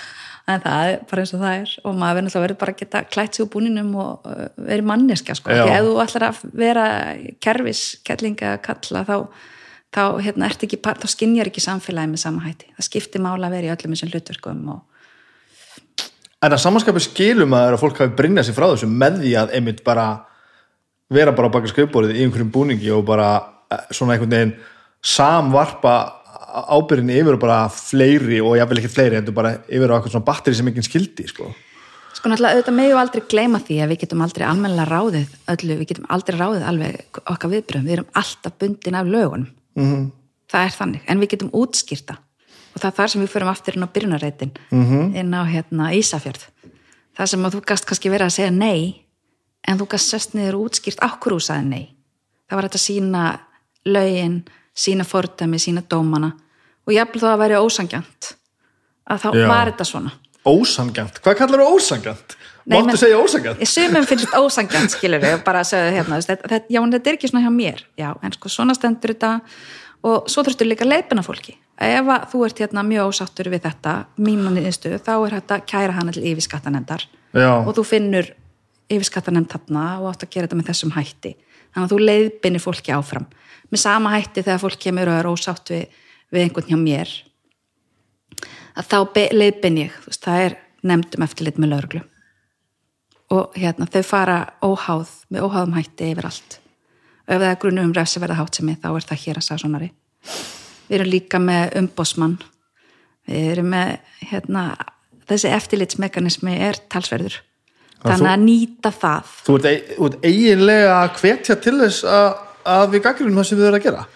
Ég- Nei, ég er ekki alveg til að segja það en auðvitað erum við, sko við eigum auðvitað að vera bara uh, gegnsæ eins og hægt er, af því ef við gerum það ekki þá missum við tröstið og ef við höfum ekki tröst, tröstið er okkar gjaldmiðl það er umverulega þannig að þeir, sko, þú, þess að er að pínu hérna, fæ ég hnút í maðan raunverulega þegar verið er að tala um að kerfi virki ekki í ákveðnum málaflokkum. En þess að þú treystir ekki kerfinu þá ferði ekki með málun áfram og þú lætur ekki á þau reyna. Nei, það er klálega rétt sko. þú veist, þannig að við verðum að treysta kerfinu og frekar að laga kerfið ef það er eitthvað að kerfinu, þá þurfum við að laga kerfið. Og erum við að gera það? Erum við að laga það? já, við erum að laga það, bara á flegiferð að laga það. Og, og veist, er, þá, er þá verið að taka fyrir þú veist, á, þetta virkar ekki. Lögum það, Já, eða er verið að horfa já, á allt sem já, held og bara, já. já, við erum aðgengilegri já. og við erum til dæmis með ráþæra sem hefur að laga fullt af hlutum bara núna einmitt með samtali Já. varðandi nálgunabann er að hlusta á okkur er að fara með, með þessi verkefni fyrir þingið, þannig að ég er náttúrulega bara mjög ána með það þegar það er hlusta á okkur og stafir ofbeldi til dæmis. Nú er mikið búið að tala um það. Það er hellingu búið að gerast þar. Mm -hmm. og þar henni hangir saman framkvæmdin. Bara sem dæmi að þar er komin lögjöf, en það er ekki nóg að komin lögjöf, það verður líka innleðana það þarf að kenna, það þarf að þróa það þarf að búið til verkla, það þarf að sjá til þess að þetta virki. Já, já, og við erum sérst með mannesku í því. Marja Rún Bjarnadóttir sem kom sérstaklega inn í þetta verkefni Þannig, og það er sérstaklega fjármagna að, að velferðarandi það er verið að reyna að bæta þar sem að skóin greppir í samfélaginu. Ég held að, held að við upplifum sko, það sem okkur hefur fundist vera að. Svo ég skipt okkur aftur í tvölið. Það er við og svo Já. að þú veist að, að fólk fyrir að staðmengum að því finnst frekar borlingandi auglósmál þessi gerði þetta hér. Og allir veit allt einhvern veginn og þetta er sagt og fimm ára setna ertu bara af hverju er ekki þetta að gerast? Þú veist, af hverju var ekki hægt að segja bara já, þetta gerðist uh, þetta eru afleðingarnar það er alltaf bara svona, hm, ok, já svo fyrir við gennum þetta og svo gennum þetta og svo bara já, þetta er ekki alveg hægt að gera þetta svona og bara, af hverju ætti ég að fara næst? Þegar þetta gekk svona illa síðast sko. og ég skil það. En máli er að það getur verið fullt af hlutum sem við getum bara ekki sagt frá sem er að gerast, Já, við erum bundin þagnaskildu -hmm. og það er oftast þannig að sko það eru yfirleitt tvær hliðar á öllum málum. Það eru fleiri hlutir sem þurfa að rannsaka. Það er ekki nóg bara, sko réttakerfið virkar ekki þannig að þú getur bara borið sökum og hérna og það dugi til. Nei. það þarf að vera eitthvað sem að síni fram á það. En það þýðir ekki að við trúum ekki viðkomandi frásögn. Það þýðir bara að við getum ekki rent nægilega stóðum undir hana til þess að ákjara fyrir hana. Og það, það, er, það er munur þarna. En þetta, er þetta ekki svolítið stóra vandamáli? þetta er, þetta er vandamál en þetta er vandamál sem í rauninni öll réttaríki búa við. Já, já, ég er ekki að veist, segja er að setja að nóg- leysa þetta. Nei, en þú veist, það er, já, þannig að þetta, þetta er bara mjög erfitt og sístætt og það er það, er hægt að- það hægt að þóki sér í rétt átt og þetta hefur þókast í rétt átt. Vissulega, en hvort það gerist nóg rætt uh, nei, það gerist ekki nóg rætt við getum alveg fullir það. Ok, en við erum að reyna og það eru margir að, að hérna, leggja hönd og plóg þar. Til dæmis fyrir nokkrum árum þá var gerð áallin um bætingu á meðferð kynfyrirsbrota mála í réttarvöslu kerfinu og það var að gera áallin upp á bara, ég man ekki hvað ári, talsvært mörg atrið og það fylgdi fjármagn. Og það var mjög margt sem gerðist í kjálfarið það var gjör breyting á mentun á hérna bara aðstöðu á nálgun það var skoðu lögjöf veist það var bara farið í að týna upp öllu setri og þetta var svona þver faglegt samstarf. Og það er nálgunin. Nálgunin í dag er ekki bara lögurglansi að vinna einn þegar við erum að vinna að umbótum að þá þurfum við að vinna þvert á. Já. alveg eins og í málumnum batna ég held að mér mjög spennt fyrir þessu samþættingar fyrir varpi núna sem er í þinginu um málumni barna. Veit ég hvort það fari í gegn. En sem sagt þar sem að þú ert kannski með grun um hérna, ofbeldi gegn barni. Það liggja fyrir vísbendingar hér og þar í kerfinu. Kannski liggja fyrir einhverja vísbendingar í höflbriðskerfinu einhverja hjá leikskólan mm -hmm. þú veist bara til dæmis vannrækslumál sem barni mætir með sömu bleiðan á mánutið að fóra með heim á föstudegi, menn þetta er klár vannræksla mm -hmm. við erum með vísbendingar hjá lauruglu til dæmis að sem að fórildri geta til dæmis verið í mikill í neistlu og, og hérna sínt hægðun í samræmi við það. En út af personumönd og megum við ekki leggja upplýsingarna saman. Vá, vá. Og ef þú hlustar um hlusta bara á þessi, þessi börn sem hafa alist upp með þessum hætti þau segja bara kerfi vissi og það gerist ekki neitt. Þið brauðist ekki við. Þannig við verðum að gera þetta hraðar. Og ef við getum haft bankaupplýsingar allar á einum stað, fjármálaupplýsingar sem er nú mjög viðkomar mm -hmm. Hjá skattinu, þú veist, allt saman þar Já. og í bankanum okkar bara sem er afrætt hérna við getum haft heil, heilsufarsupplýsingar livjaupplýsingar, allt á einum stað í heilsuveru. Þá hljótu við að geta staðið okkur betur þarna í að tryggja að kerfið stiðji við þá sem þurfa okkur að halda. Við erum það smá og við getum gert þetta. Hvað er það sem bannar þarna þetta? Ef að, ef að leikskóli tilkynni vannværslu á einum stað og það helbriðis fer allt í gegnum batnavend Ok. sagt, en, en það er að, að það sé einhvern veginn sama myndin þess að myndin sé heilstætt skoðuð. Það er ekkert víst að þú áttir þig á því að hversu alvarlegt þetta er út frá einu. Nei, nei, en þegar þú leggur kannski fjögur fimm saman að þá áttir þig á því hvað er í gangi. Ha, áhugavert.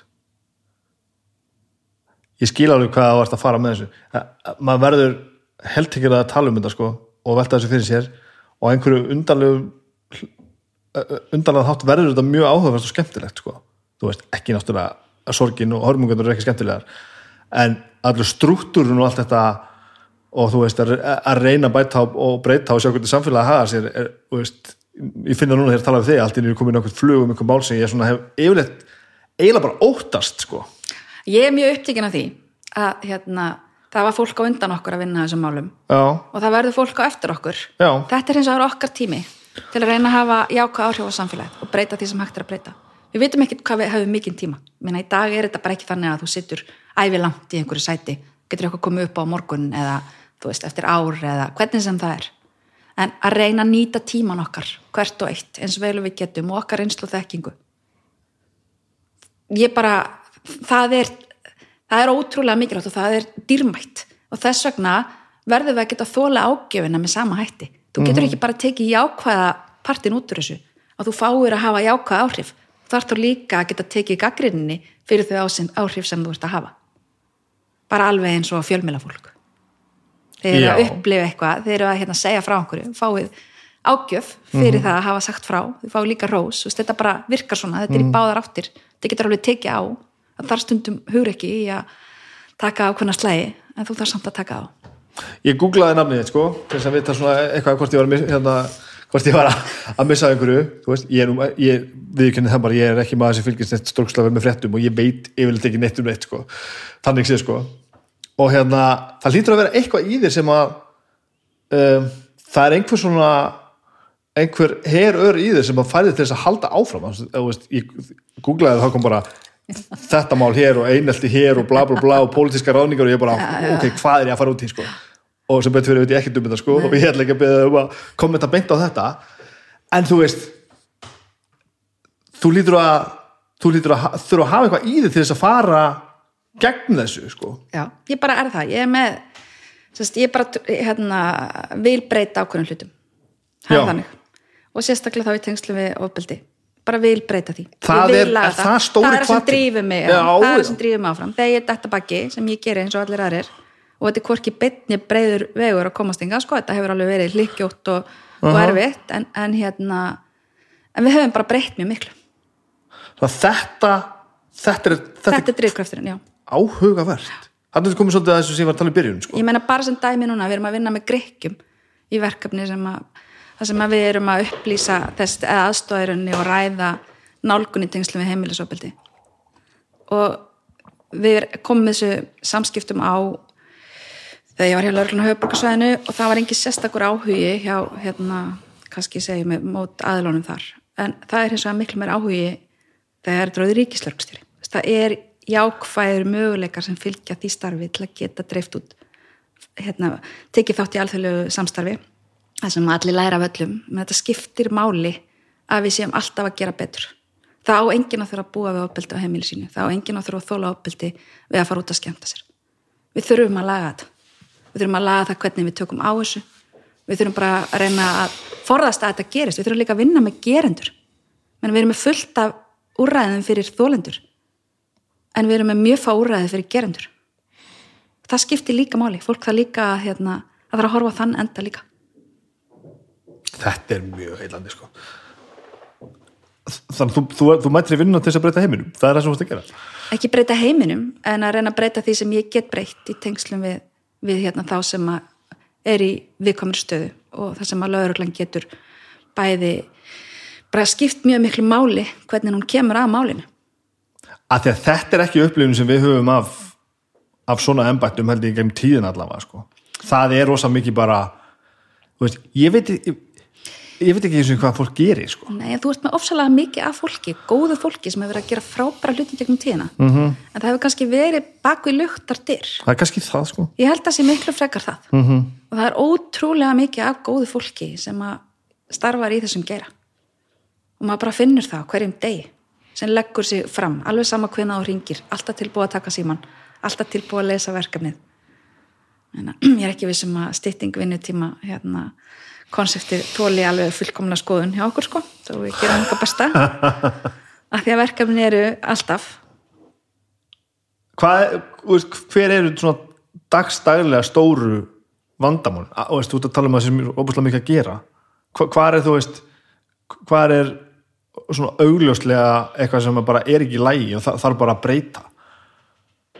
Í daglegri vinslu hjá ef ég er lögreglu þjótt út á göttunni ykkur starf Já, sko, það sem að ég vil gera náttúrulega að lauruglumæðurinn sé með til dæmis bara allar upplýsingar í farsíman. Við erum ekki komin þangað ennþá. Við erum með lauruglukerfi sem er frábært. uh -huh. En hann þarf að vita þegar hann fer inn í hús, bara geta fletti upp, er vopn í húsinu, viðkomandi sem við erum að fara til, er hann hættulegur, eða hún. Við hverjum að búast. Hérna, getur fólk verið í viðkomri aðstöð. Ég vil bara lauruglumæðurinn sé með allar mögulegar upplýsingar til að vinna farsalega að málinu. Þannig að það endi vel eins og hægt er. Uh, við þurfum að vera með og opna, opi starf eins og hægt er. Við þurfum að vísu alltaf að passa upp á personur og leikendur. En við þurfum að vera með eins opi umhverfi og hægt er. Hvaða verkefni erum við að fara í, til dæmis bara það að við segjum frá heimilisofbildi, það var partur af nálgunum okkar í að breyta meðfyrir kerfisins á heimilisofbildi það var að tala opinskátt um það þannig að þú sér tilkynninga frá lörglembættunum að þá segja þær hvað er fara í mörg heimilisofbildsmál það er eins og er ekki sagt um, um kynfyrirsbrot það er ekki talað um það nema að það sé sérstaklega spurt þá er svarað. Og ástæðan er svo að, að það er mismunandi upplifun þólenda skipti máli með kynfyrirsbrot að það sé ekki tekið valdið alltaf af. Þú verður að hafa vald yfir eigin aðstæðum eins og hægt er. Það er búið að taka svolítið valdið af líkama og, og hérna personu þannig að þess vegna erum við ekki að fara að segja frá einhverju sem kannski eigur á hérna e, bara slæma líðan þólanda Nei, já, ég og skildi, fjölskyldu ég skildi þannig að það eru svona hlutir sem við þurfum að hugsa. Og þetta bara kemur með samtalinu og með því að tala við sérfróðaðala hvernig ná að vinna þessi mál. Nú finnst maður eins og þetta lýsa sko einhverju svona ómögulegu jafnvægi á milli sko tilfinninga og þessu mannlega og svo einhverju svona reglu svona rú, rúðstrykkaða reglu virki sko. Ég meina það er náttúrulega bara dagurinn okkar er þannig? Það er kannski bara við það, Það og það er kannski það, það sem gerir þetta svo rosalega yfirþyrmandi sko. Já. en sko almannavarnir er búið að vera svona stærsti flokkurinn okkar núna. Mm -hmm. bara almannavarnir, síðan er skipileg brotastarsmi hún hefur líka verið mjög hérna, stór hjá okkur bara út af því sem er í gangi í samfélaginu og við þurfum að og erum að vinna með það og höfum verið að gera það. Það er til dæmis eitthvað sem ég held að, að við mörg okkur finnst ennþá bara fyrir óraunverulegt sko. ég, ég held að við vitum öll að það er ekki þannig en ég er einhvern veginn bara svona ég meina það Það er- er auðvitað þannig að, meina verð á fíknefnum er herra hér á landi til dæmis. Já, þess vegna erum við ákjósanlegur staður fyrir sölu fíknefna aha. Það er meira vissin að koma já, einmitt, þess vegna verði herra þess vegna er meiri hagsmunir í húfi. Já, já, þannig að það skiptir máli og þetta er peningar, þetta er peningadrifið. Já. og það sem að er að gerast er bara, það, allt sem gerist í Evrópu er líka að gerast í okkur bara á minni skala. Mhm. áður var það þannig að það voru kannski tíu ár sem liðu á milli þess að koma upp eitthvað trend á Norðurlöndunum. Akkurat, akkurat þetta? Og þá til að koma hinga og það er bara breytt. Við erum, hérna, allt sem er að gera þú sér það bara, þetta samfélag er, er mjög hérna, reyfanlegt og, og, og tekur tekur hérna áhrifum frá því sem er að gerast annar staðar. -hmm. bæði hvað var þar glæpi og bara samfélagsgerðin og, allt sem er í gangi. Þetta er svo ótæmandi sko, það er svo, byrja að velta sér fyrir sem að vera allir bara En mér langar að segja frá greiningadeildinni Já, gerðu það. Já, við settum hana á stopn hérna 2007 í rétt. Og hún átti semst að búa til svona greiningaskýslur um ógn, þá öryggisógn. Bæði varendur hriðjuverk mögulega, getur verið hvað sem er í rauninni. Og hún er búin að starfandi síðan þá og hún er í samstarfi við hérna, getur semst verið í samstarfi við eh, upplýsinga og öryggistjónustur á Norrlöndum þó hún sé ekki með, með samskonar verkefni eða samskonar hvað ég segja, framkvæmt en hún getur fengið upplýsingar eða eitthvað er í gangi. Þannig að hérna, þetta var bara mjög mikilvægt að þetta væri sett á stopp og, og þessin er þessar skýslu reglulega sem eru settar fram af greiningadild um skiplega brotastarsemi og um reyðiverk meðal annars getur verið líka einhver sérstök greining á, á hérna einhverjum atbyrðum eða stöðum eða, eða hópum með einhverju slíku. Og svo núna ger, letu við greiningadeildina líka gera greiningu á hættu á ofbeldi gegn öldrugum og ofbeldi gegn fölluðu fólki. Að það skiptir líka máli að það sé skoðað. Hvað kallar þú greiningu? hvað er þá gert? Já, þetta er bara semst aðferðafræði sem er notuð við að hérna, vinna með upplýsingar og meta áhættu. Er svona áhættu greining og setja þér þá einhver stað niður svona sem auðvelt að nálgast einhverjar tölulega staðrindur um Já. já, og skoða einhverja rannsóknir og þess að þar þannig að þetta er alltaf byrt reglulega. Og þetta þá vantarlega gerir það verkum að maður svona setur fingurinn á það sem að allir vita, Já, já, eða maður fær þetta svona Já, það, það á tilfinninguna og líka við getum sagt sko, við, við sagðum ykkur þetta já, já, já, auðvitað. mjög góð Þetta er ekki nýtt, við erum búin að benda á þetta í tíu ár. Já, já, þannig að það er þannig. Og veist hversu pólitíst er jobbið þitt? Er, ertu endrast að berjast í að mér finnst mei, ég finn minna- meira fyrir núna heldur en ég held kannski ég myndi finna að, að þú, þú ert meira að slást við mismöndu sjónum við fólks eða hvað Já, þetta snýstir henni daldið um það en ég lít ekki á þetta sem pólitíst að vísu er náttúrulega dómsmálar á þeirra aðstifum að lögreglu. Já, og ríkislöglustjóri fæ með málefni lögreglu í umbóði dómsmálar á þeirra skulum ekki glema því. Þannig virkar þetta, litli heilin mér bara. Hann virkar þetta sko. Ok, og það er bara beint í lögunum. Og hvernig er það veist, dagstaglega, er það stórpartur af þessu? Nei, í raunin ekki, til dæmis var sett núna reglugerð með bætti ríkislöglustjóri sem við erum búin að býða lengi eftir. Mm -hmm. og þar er bara í rauninni skipan máli eins og hún er núna svona fest niður og lögreglur ráðið innlimaði mjög margar ákvarðanir ríkislöglustjóra. Það er verið að tryggja þar að það sé fullt samráð haft við umdæmin -hmm. sem er mjög jákvætt vegna þess að þá erum við að horfa á, á tenginguna við borgaran þá er Já. ekki verið að taka einhverjar ákvarðanir sem ekki er með beina tengingu við borgaran þannig að það er mikilvægt. En við þjónum náttúrulega bara öllum það er þannig, Ég meina, ef eitthvað gerist þá getur við verið köllu fyrir borgara og verið köllu fyrir fyrir þingið, veist, það er bara eins og það er og við þurfum bara að gefum skýringar.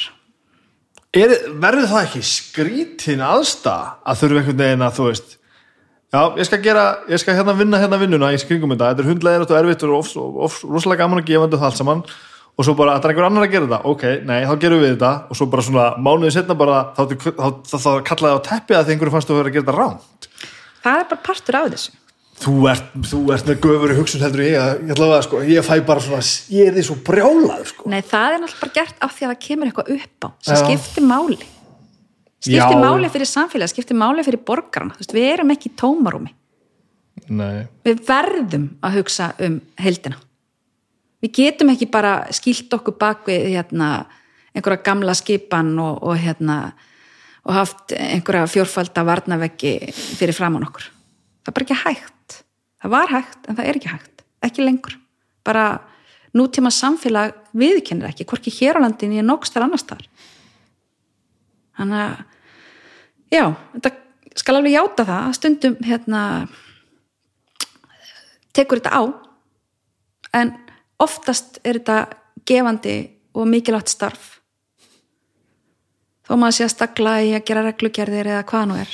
Að þú veist það er það út af einhverju og þú þarft að hafa heilda myndina í hausnum. Og þá skiptir mjög miklu máli að vera miklum og góðum samskiptum við fólk.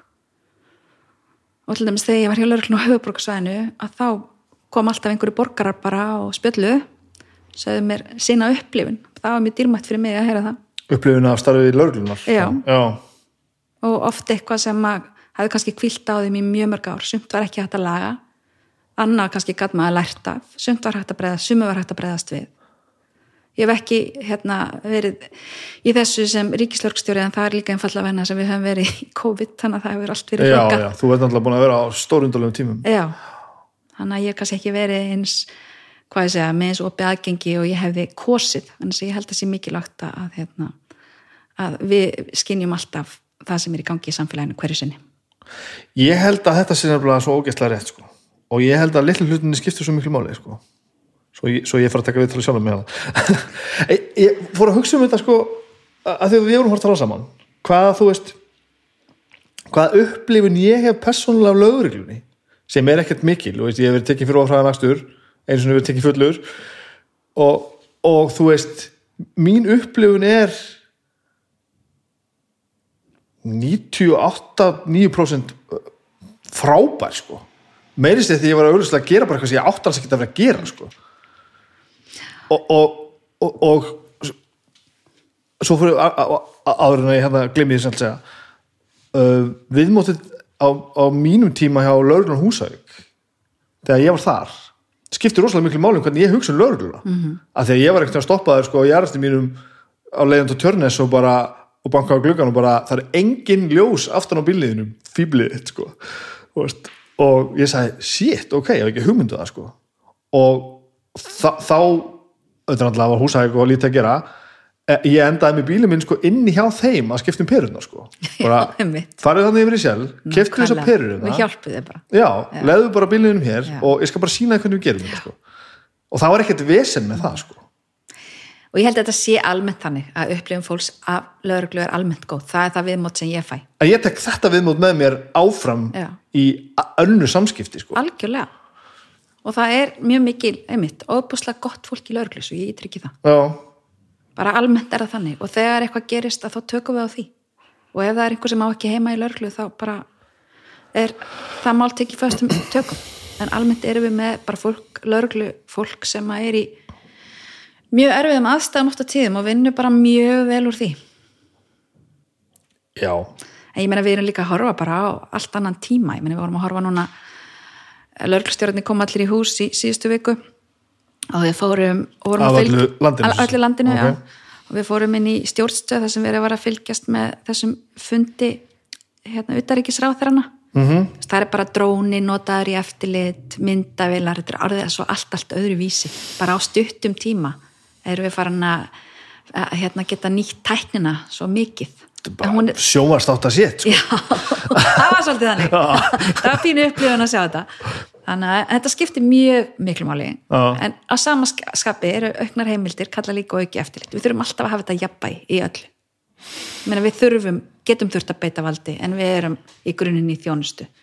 Við höfum heimildir til þess að grípa inn í líffólks en við sætum líka miklu eftirliti. Það er þetta það þarf alltaf að vera þetta jafnvægi eins og í öllu öðru mm -hmm. við reynum að mæta fólki á þeirra fórsöndum en að sjálfsögðu þarf að passa að sama gangi yfir alla og við virðum leikreglur réttar ríksins Þetta er með margt aðeins sumar en það, ég meina, þú veist ég fagnar þessu öllu svo mér finnst þetta já Ég, ég held að ég held bara að prófa því, ég held að prófa að vera bara... Já, verður velkomin. Það komið nýtt nám hjá okkur, eða nýlegt, það er búið að vera í fimm ár. Háskólinu á Akureyri með lauruglu námið núna. Aha. Og það er ekki aldurs hámark lengur eins og var. Það var svoleiðis. Og ekki hæðar takmark heldur og það er stundins að fara í allskynns hérna próf og svona. Aha.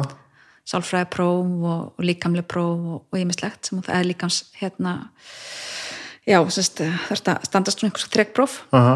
Og, og hérna það er síðan er semst námið byggt upp sem fjarnám og svo eru lótur í starfsnámi og þetta er mjög áhugavert nám ég get alveg bara fullir það En ef við til og með fer í það nám Já. er ég þá að fara út í bíl að vera lögga? Er ég, kannski, er ég að fara að gera eitthvað annað? Sko það er eiginlega eitt af því sem er kannski svolítið að hjá okkur og við höfum verið að ræða hvernig við getum mætt Uh -huh. en í dag er þetta veginn þannig að allir byrja bara út á guttu sem löggur Já, það er svo leiðis Já, það er þannig Ok, á meðan við höfum veltið fyrir okkur okkur þurfum við einhverja rosalega hérna, líkams þjálfun til þess til dæmis að, að sinna svörun í fjarskiptaminstöð mm veist, mætti það vera manneskja sem væri kannski bara með aðra eiginleika væri kannski með mikla tungumála þekkingu en ekkert frábær í hlaupum Já. skilur mig.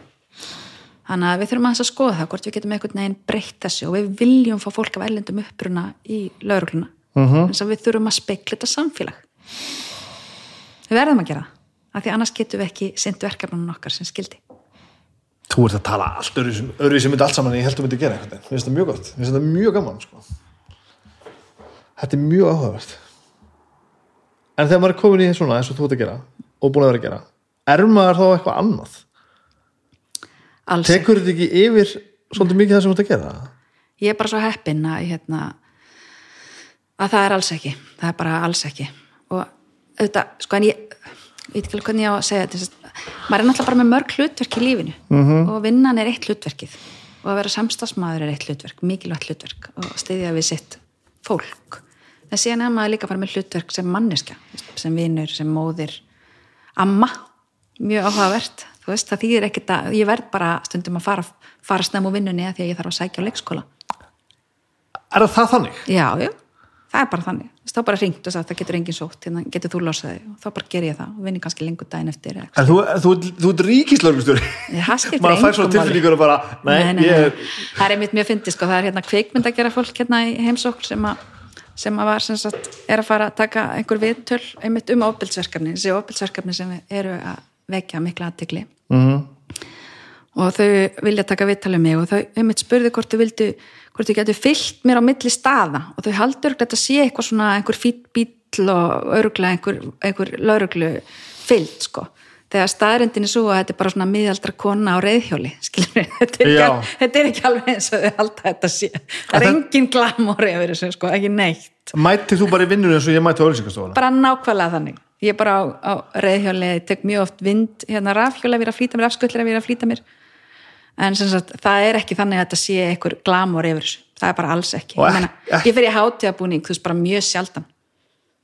Sem var betur fyrir því að fyrir hátíðabúningur minn var frá 2002 og þetta var svona mjög hérna, erfitt undir að síðasta. Svo hérna gaf ég mig og við mér nýjan. Mjög gott.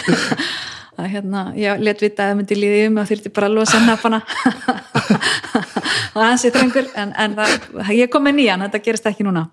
Þannig að hérna, já, en sérst, er ekki þetta er ekki svona glamor, þetta er bara, þetta er bara vinna. Og þú mæti bara í vinnuna og fer svo bara heim úr vinnunni. Já, Já. bara eins og allir aðrir. Og all, og, en það er hins vegar á minni stöðunum, er þetta náttúrulega þannig að þú lendir í að þurfa að ræða vinnuna í mjölkukælin sko? Já, það er þannig, þú veist, sér öðruvísi, það, sko. öðruvísi í svoleiði samfélögum sko þannig að þá ertu kannski ekkit endilega þá ertu alltaf löggan, þú losnar aldrei undan því. Nei, maður fann það Já. bara mín ára húsæk, ég man mjög vel eftir sko, sérstaklega eitt, eitt besti vinnu minn er, er lögga sko, vera mjög lengi á húsæk og ég, maður fann það rosa mikið í kringum hann sko en það getur hjálpa, til dæmis manni eftir því að ég var fyrir vestan að þá skipti máli að það væru lauruglumenn búsettir í byggðakjörnunum. -hmm. ekki bara á Ísafjörði heldur líka á Flatiri og Þingeri það var semst hérast lauruglumenn vegna þess að fólk leitaði þangað til löggunar sem það þekkti. Frekar en að fara að keira á Ísafjörði Já. að kæra. Já, þú meina það? Skipti líka máli að vera löggan og sérstaklega krakkarnir. En þá ertu svolítið orðin bara löggan sko. þú Þá verður ertu ekki- alltaf í svona samfélag Já, þú verður alltaf, þú Já. ert bara undir smásjá. Já, hann gerði það Billy vinnu minn gerði það mjög, mjög vel sko. það var ádáðan hvernig hann leta þetta frekar að vinna með sér heldur gegn sér sko. Já, og oft er það bara þannig að ég held til dæmis að sem við þurfum að gera betur núna er að grípa fyrr inn í þegar krakkar er að villast af leið að bara í lífinu minna? Já, bara að grípa fyrr inn í. Við erum ekki að gera þeim neitt greiða með því að, að hérna hvað sé, þú veist, þau verða að upplifa að þau sé semst, að, að, að það sé eitthvað rámt á ferðinni og þau fá aðstof við að snúa af þeirri, þeim vegi. Að því að bara þú ert ungmenni þá er þetta bara ákveðin mistróski stundum. Þú veist það bara byrja allt í hennu, þetta er bara eins og bíl það byrja allt í hennu bensingjöfun að virka en bremsarnar eru bara ekki farnar að virka ennþá. Já, og við er- verðum að grípa krakkana. En eftir ekki þannig að koma nefnir þetta málun sem er svo erfitt að ræða því þú veist, ámar alltaf að skipta sér af? Við erum, við erum alin upp við að skipta okkur ekki af ég meina við eigum að skipta okkur að því þegar börn eru beitt ofbeldi. Við eigum að skipta okkur að því þegar börn eru í hérna, erfiðum aðstæðum. Bara hver sem er, ekki bara börn. Bara við eigum að skipta okkur að því þegar verið er að beita annað fólk ofbeldi eða, eða hérna, nýðast á þeim með einhverjum hætti eða hagnýta sér það. Við eigum að skipta okkur að því. Mm. -hmm. við viljum ekki svoleiðið samfélag. Það eru leikreglurnar sem við höfum samið um samfélag okkar. Þetta er bannað. Og þetta á ekki að líðast. Við eigum að geta farið örug út og skemmt okkur. Já, við eigum að geta gert það það er einhvern veginn búið að samþykja eitthvað. Eða bara ekki ræða það. Ég held að vilja engin hérna, óheilbreytt skemmtanlíf. Það vilja bara allir heilbreytt ég meina þú vilt sem foreldri að batni eitt sé að fara öðrutt út að skemmta sér. Já, og líka, og líka bara fyrir mig. Og fyrir þig, fyrir alla. Það er bara þannig. Og svo er eitthvað við þetta líka sem að fær maður alltaf til þess að ég verð alltaf svo ég, verð alltaf pínu leiður sko.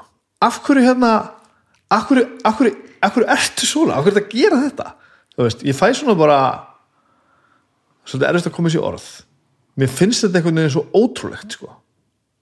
En ykkur finnst þetta sennilega þið, nú er ég bara að skipta okkur í liðin aftur. Sennilega, þú veist skilju hvað ég er að reyna að koma orðum að? Já. mér finnst eitthvað svo undarlegt að við teljum okkur vera siðmentu og séum að gera þessa hluti sko. ekki að ég sitt hérna þykist að fullkomina því ég er náttúrulega alls ekki og maður misti úr sér hinga og svo en við erum öll þannig. En við erum eins og öll að reyna að gera okkar besta. Ég held að það sé svona eitthvað sem við verðum að ganga út frá og stundum er bara fólk að glíma við eitthvað sem að þú sérð ekki. Mm. og þú kannski sérð bara end, endan á keðjunni. Ég sérstaklega hérna hugsa um mál sem hafði mjög mikil áhrif á mig. Þar sem að ungu drengur uh, gerist sigur um ofbeldi. Og bara alvarlegt. En svo að það var, farið var að skoða málið þá kom í ljós að hann hafði sjálfur verið beitt og bara mjög miklu ofbeldi í mjög mörg ár. Mm. og enginn hafði bröðist við því. En það var allt ekkert til sparað til þess að upplýsa þessi lokabrott. Hans. já, já, já. Veist, við verðum aðeins að horfa á þetta í samhengi og þarna hefðum við átt að fara fyrir inn bara engin vafi og með því hefðum við hugsanlega verið hægt að hindra þetta ég er ekki að tala um einhvern stóra bróður samfélag ég er ekki að tala um að löggan sé allstar Mhm. -hmm. bara að, hérna, að þegar við sjáum eitthvað að þá á að tilkynna til barnavendar það er bara þannig Bam. Bam, já. Mhm. þetta ég man og samfélagi er okkar allra, þú veist, það þýðir ekki að sitja og gaggrina allt sem er ómulegt, reyndu þá frekar að breyta því. Kontu þínu skoðun og framfæri. Ekki bara að tala um allt þetta neikvæða. Ég var alltaf mjög erfitt með að vera í kringum hérna, mjög neikvæða orku sem allt er ómulegt frekar að segja, þú veist, hvað er það sem við þurfum að laga? Hugsaði hvernig við getum lagað. Kontu með þá til hvað er það sem þú hefði viljað sjá öðruvísi? Og að fara í gegnum það. Og þá þess breytinguna, svo ég tali aftur um það því bara það hefur skipt máli og það er mjög mikið hjartansmáli eins og heyrir. Og við erum alls ekki komin út á enda og meðan við erum að beita heimilisofbeldi eða beita ofbeldi á heimilum og drepa fólk þá erum við ekkert komin á enda í þessu máli. Þó að þessi komin einhver viðbrögð við málum sem koma upp. Við erum bara ekkert komin á enda. Það er ekki fyrir að þetta minkar og hættir helst. En sem sagt, já, nú man ég ekkert hvað ég ætla hérna, hvað ég var að byrja á Jú, þegar við vorum að skoða heimilsopildi, jú, þá vegna þess að þá held ég að þetta væri bara allt í besta lægi hjá okkur á söðunisum verklæðið verklæð, Já. við værum með svo flotta rannsakara, þeir færi í málin það var svo vel menta fólk og gott fólk. En það voru eiginlega engin mál sem fóru áfram. Bara því að þau voru ekki unnin almennilega?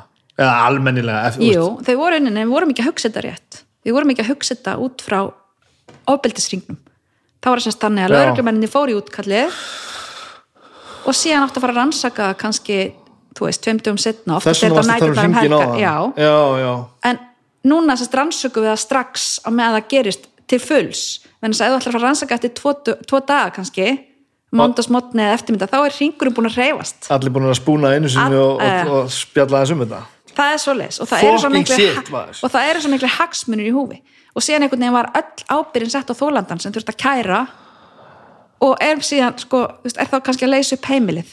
Uh, þú veist, hérna kannski ekki með hérna fjárhagslega burði til þess að standa undir uppeldinu einn eða einn Já. þú getur bara ekki tekið slægin við gerandan af einhverjum ástæðum. Nú held ég að þú sett að tala um sko hlutina sem skipta okkur enn og aftur, við verðum bara að lifa við þetta þetta er bara tvölið, þetta eru við og þið. Skipta öllu máli fyrir til þess mig að heyra sko það er að maður upplifi ekki þetta bara já, við erum bara að vinna þetta svona og svona er þetta best. Og maður stendur út í hotni og bara ok, það er ekkert sem ég get sagt hérna sem breytir því sko, þú er bara búin að ákveða þetta er vinnulagið og það kemur ekkert út í þínu máli næstu 25 árin að því að kerfið er bara þannig. Um leið að þú ert að segja þetta sem þú ert að segja núna að einhver horfi á þetta og bara herru, við sökkum í hvernig við erum að gera þetta. Við verum að drullast til að breyta því. Ég held að það kerfi sé að endurskoða sjálft sig og viðkenna að þetta sé ekki nógu gott og bæ- beita og breyta, bæta og breyta að sé algjört líkilættir til þess að við viljum vera með, af því við fengum bara ekki að vera með. Og það var þannig, ég veit það alveg. Og það er það sem ég var að segja upphafi. Mm -hmm. Mhm. við einhvern veginn lítum kannski ekki endilega á þetta svona en þetta hefur breyst mjög hratt. Og það eru allir bara að reyna að gera sitt besta í að þróast eins hratt áfram og hægt er. Bara sem dæmi hérna, að fara markvist yfir dóma. Þú veist, hvað er það sem hefur gengið vel hvað er það sem hefur gengið illa? Þurfum við eitthvað að láta að byggjum að, að hérna, það séu endumetin laga ákveði, menn við erum til dæmis í samtali við þingið, þingið kallar okkur mjög oft fyrir þegar þeir eru að ágreða lagafrumvarp. Og við erum að reyna að koma með, með hérna, umsagnir. Við kannski gætum alveg stað okkur betur í því. -hmm. að hérna því að semst, já, en við erum þá köllu fyrir þingið og þurfum að útskýra praktist okkur við erum að segja þetta sem við erum að segja eins og með til dæmis afklapavæðingu svo ég nefni það erfiða mál. Að þú veist, þá erum við að segja, við erum ekki að segja að það er ekki að líta á þetta sem heilbriðsmál við erum bara að segja til þess að við getum unnið þetta að þá verðum við að hafa aðeins skýrar í ramma. Það er Já. það sem við erum að segja. Og við erum ekki að segja að það þurfi ekki að nota einhverja nýja nálgun. Við erum algjörlega tilbúin að skoða það. En við líka sjáum alla sorgina og all málin og alla hryllingin sem kemur af hérna neyslu fíknefna og það er eitthvað allt, allt annað heldur en það sem er skilgreint sem fíkn. Nei, fíkt segi ég. Já, já, þannig að það þarf að velta fyrir sér hvernig getum við náð þessu hvort tvekja hjálpa þeim sem þurfa að hjálpa að halda. Og samt passa að þetta sé ekki eitthvað sem er bara viðukent og, og allt í lægi að þú hægið hvernig sem er að því úrt undir áhrifum hugbreytandi efna. Það er ekki lægi Erst þú fylgjandi þessari afglapa Ég held að við þurfum að breyta nálgunum okkar, Já. engin vafi, en ég held við þurfum samt sem áður að hafa einhver fælingar áhrif. Ég menna við erum að taka krakka með ekki kaupa áfengi fyrir að þau eru tvítug, en svona samt eigum við að horfa framhjáði að krakkar eru nýri 12, 13, 14 ára að vera að að reykja has, skilur eða hvaða nú er. Menna, hvernig fá þau efnin? Þú veist, hvað þurfa þau að gera fyrir efnin? Hvernig fjármagna þau? Við þurfum að horfa þessa heilt og fyrst og næst bara aðstóðu. Þannig að ég segi, hérna, tökum á þessu þannig, tökum á þessu með mannlegum hætti en útvöðum hjálp og tökum þá heildrænt kerfi. Skoðum hlutina eins og þau raunverulega eru. mm Hvað er, hvers konar ábrotir er að sjá í kringum þetta? Er eitthvað sem við getum gert til þess að breyta þeim? Mundi afglapavæðing breyta því að sá sem er hérna búin að ánetjast fíknefnum uh, ætti eitthvað auðveldar með að fjármagna fíknefnum því gæti hann þá hugsanlega hérna fjármagna, þú veist, væri þetta ekki einn stýrt eða eitthvað slíkt? Ég, veist, ég er ekki vissum að, að neitt svona mekanismi virki, það þarf að skoða þetta raunverulega í grunninn og ekki bara velja út hérna, einhverja móla sem okkur hendur, og maður skoða þetta í heild. Hvaða áhrif hefur þetta haft á samfélagið? Hvaða áhrif hefur þetta haft á krakkana? Er þetta virka, er þetta ekki að virka? Þannig ég hefði viljað fara í gegnum þessa vinnu betur og hafa þá aðkoma henni, hafa þá aðkoma að gögnum lögreglu um það hvernig þetta raunverulega er Já. í þessum ríkjum sem um er að ræða. Og við erum algjörlega tilbúin að fara í þá vinnu. En það vil enginn fara að setja fólk í fangelsi sem á við heilbreyðisvanda að stríða. Nei, bara enginn. Nei, nei. og við erum síðasta fólki sem vil það. Og við höfum haft miklar áhugir af því. Og hvað þá heldur ungmenni?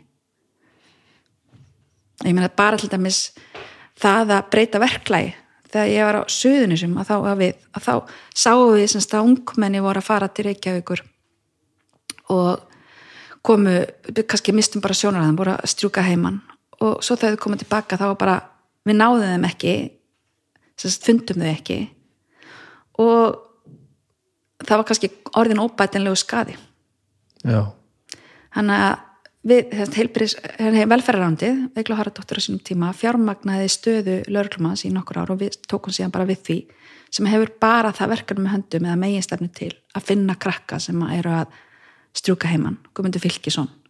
Bara hann, bara hans mikla verk hefur breytt mjög miklu fyrir samfélagið og hann tekur bara, hann eldir krakkana upp eða hann finnur þá, hann kemur þeim í á hérna þann stað sem að annarkvort heimaftur eða þá í meðferð eða í hendum, hendur batnavendir yfirvalda þegar heimilið er ekki örugt er þetta vinnarnas að gera vinnan hans, já. Full vinna. Vá. já. og stundum er hann að taka sömu krakkana og elda þau aftur og aftur og aftur. Og hann er líka að senda þau skilabóð eða þú ef þú ert með krakka sem þú ert að hýsa með ólefumendum hætti sem hefur bara ungmenni undir lögaldri. Að þú veist löggan kemur. Já, við förum hann inn sko. Og hann fær trúnaðin hjá krakkonum sem hafa áhyggjur af vinnum sínum þetta er maður sem ég er að tala við maður. Já, hann er ótrúlegt að sjá bara hvernig og þar skiptir manneskjan mjög miklu máli. Hann bara fór allur inn í þetta. Alveg bara 100% og við erum með fullt af svona óbúslega góðu fólki sem að leggur sér bara 100% fram og, og setur sig hérna já, bara sem persónu þarna út líka. Já, og það, stendur þá líka berskjaldar það hlýtur bara að vera. Getur ekki verið getur ekki gert þetta öðruvísi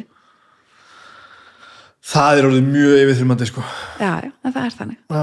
og, og veist er þetta að skila einhverju í stóra samminginu já, þetta er að skila í stóra saminginu þetta er að skila lífum, mannslífum já, bara alveg þannig Já. Já, já. bara fullir það hvað er langt síðan að þú veist kannski sér þetta öðru, öðru ég langt síðan að þetta fór, svona hugsun fór að vera ráðandi það sem þetta var ekki bara löggan á Volvo að- að að- að bara út og, og sagt einhvers fyrir að gera ekki stefnilós Það er alveg langt síðan. Til dæmis var verkefni fyrir einhverjum 20 árum sem heitir Ringurinn, eða hétt Ringurinn, ef maður rétt, sem var með breiðholtslöggunni, sem var bara mjög framalega sem samfélagslöggur þess tíma. ok, Voru bara með mjög mikið ungmennum. samfélagslögur, Já. gott geðut orð Voru bara þannig að hérna, þeir voru að hjálpa mikið til, voru svona forvarnarlögga. Og við vorum þar og ég sakna þess. Ég held við eigum að fara meira inn á þá brau- braut. að gera hvað þá? vera meira svona forvarnar hérna, ekki bara taka málum sem er orðin sakamál Já, heldur vera meira svona afbrotavarnar teimi ok, og það er ekki að tala um að vera onni öllu alltaf, heldur til dæmis bara hérna við erum til dæmis með samfélagslökur núna veist, bæði fólk sem er í sýnilegt í sínum samfélögum en líka inn á miðlunum, mm. lögurinn á höfbrukarsvæðinu hefur verið mjög framali í þessu. Tegja sér til hópsins, tegja sér til ungmennana leiðbenna og vera til staðar ef eitthvað er að, að það sé þangur þú veist, að því að venjan er svo að það vera að brjóta fólki, brjóta börnum þá er þeim sagt að löggan sé vond þú veist, hún sé hræðileg og hún muni hérna, já, er það, er það ennþá maður? það er hjá fólkinu sem er að brjóta börnunum, já, þetta er aðferð til þess að halda þeim innan rammans þau þurfa að vita að þetta sé ekki þannig kemur löggan og tekur þig? ég man eftir að þetta var sagt við fólki uh, krakka í kringum mig þegar ég var lítill sko. ég meina við erum að horfa á ofbeldi gegn börnum og þau eru ekki að segja frá já Ugh. Hvað gerur þú ert þá ekki? Þú veist, ekki lögga, ekki, ertu lögga? má maður segja það, ertu lögga? Nei, ég er ekki lögga Ég ekki gætna að vera lögga en ég sem sagt er, hérna, kem inn sem lögfræðingur en ég kem ekki sem lögreglumadur Já, þú, þú náttúrulega hefur aldrei farið þá leiðina heldur Nei. Þetta er allt mjög en mjög áhugavert. en ég tók eins og stjórnunanáms í lögreglskólanum og hérna, að því að ég er búin að vera lögreglstjóri í litlu samfélagi þá veit ég hvernig það er Já, það er öðru vísi þegar þú ert í litlu samfélagi þá ertu náttúrulega bara og inn í öllu. Berði þetta saman fyrir mig áður við förum í hérna hvað gerir þegar þú ert bara amma? Já, Hva, að vera löglustjóri litlu samfélagi og svo höfubókarsvæðinu og kannski svolítið ósangjanda því að þú ert búin að vera á svolítið skiptum tímum hérna núna. Mm -hmm. hver er munin á þessum? Bara gera og líkt. Lögreglustjóri á litlum staði bara inn í öllu. Bara öllum málum sem kom upp. Og það er bara þannig? Bara fer ekki um dagbúkina að þú ert inn í öllu. Ok, lögreglustjóri á höfuborgarsvæðinu ert inn í kannski svona samskiptamálum, þróunamálum tógamál áfram en líka stórumálin sem kom upp. Mögulegt brot í starfi þú veist, hvert eru við að peningamálin rosalega stór partur, við erum með skattfi, skiptamáli. Já, það, Já, þetta er rekstur, þetta er náttúrulega bara miklu peningar. Og löglustjórin er inn í þessu rekstramálum alveg? Já, já, með fjármálastjórunum ok, ok, sem ræður henni mjög miklu hérna allir búin að læra það hjá okkur að fjármálastjórun er mikil valsari sko. Þannig að það er rætt hérna mjög býða með einhverja beðnir þá kannski val hérna gengur vel í boltanum.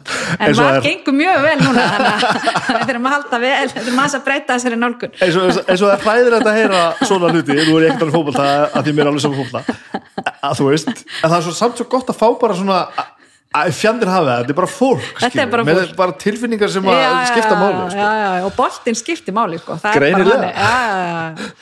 það er mjög fyndið já, já, en sem sagt það, það er að hérna, höfuborgarsvæði var mjög mikið þar, en við náttúrulega náðum að þróa mjög mikið af verkefnum og þar var maður kannski, það var opbóðslega mikil hraði það var alveg rosalega hraði og ég held að ég kom til ríkslögstjóra að ég myndi aðeins geta kannski þú veist, ekki, ég er ekki að segja halla mér aftur og, og hérna og slaka á, alls ekki alls ekki, en ég held ég fengi meiri tíma kannski til þess að velta svona framtíðinni, þú veist, kannski velta fyrir mér að færa þessa átt, skoða rannsóknir Já.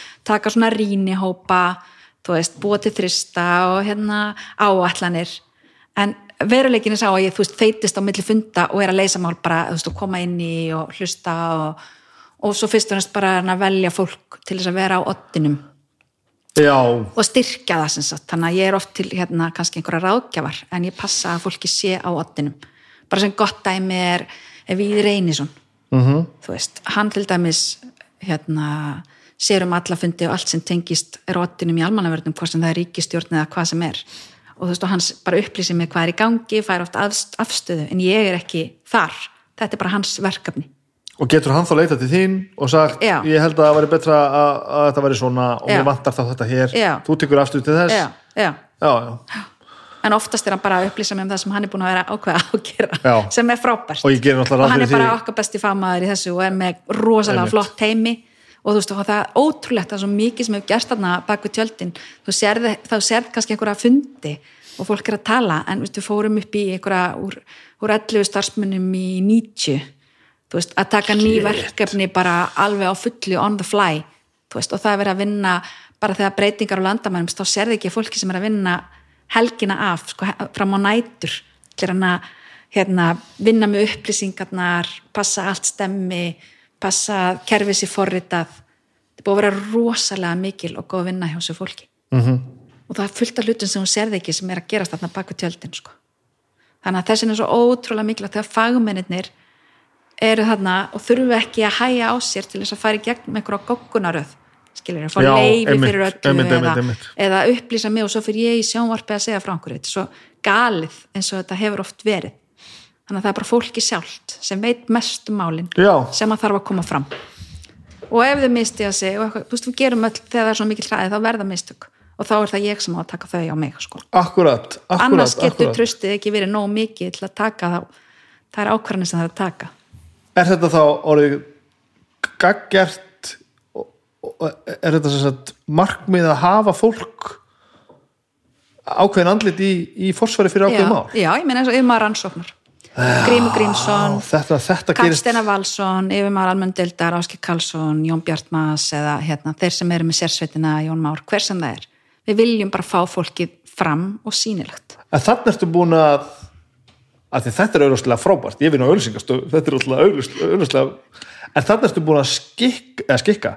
Þannig ertu búin að setja það aðstöðu að fólki sem að er frábært í því sem hann gerir þarf líka að vera frábært í að segja frá því og koma fram. Já, og þess vegna erum við til dæmis með ráðgjafa. Það er rosaleg vinna sko. það er það, en til dæmis bara að við erum að koma fram og tala um rannsóknir eða tala um skipla brotastarsemi þá hlýtur að vera betra þessi manneskjan sem veit allt um þetta sem Já. kemur fram og ræðir við almenning. Af því að það er það sem við erum að gera í, í viðtölunum. Viðtali snýst ekki um mig. Nei, nei. Viðtali snýst um það að segja fólkin í samfélaginu það sem það þarf að vita.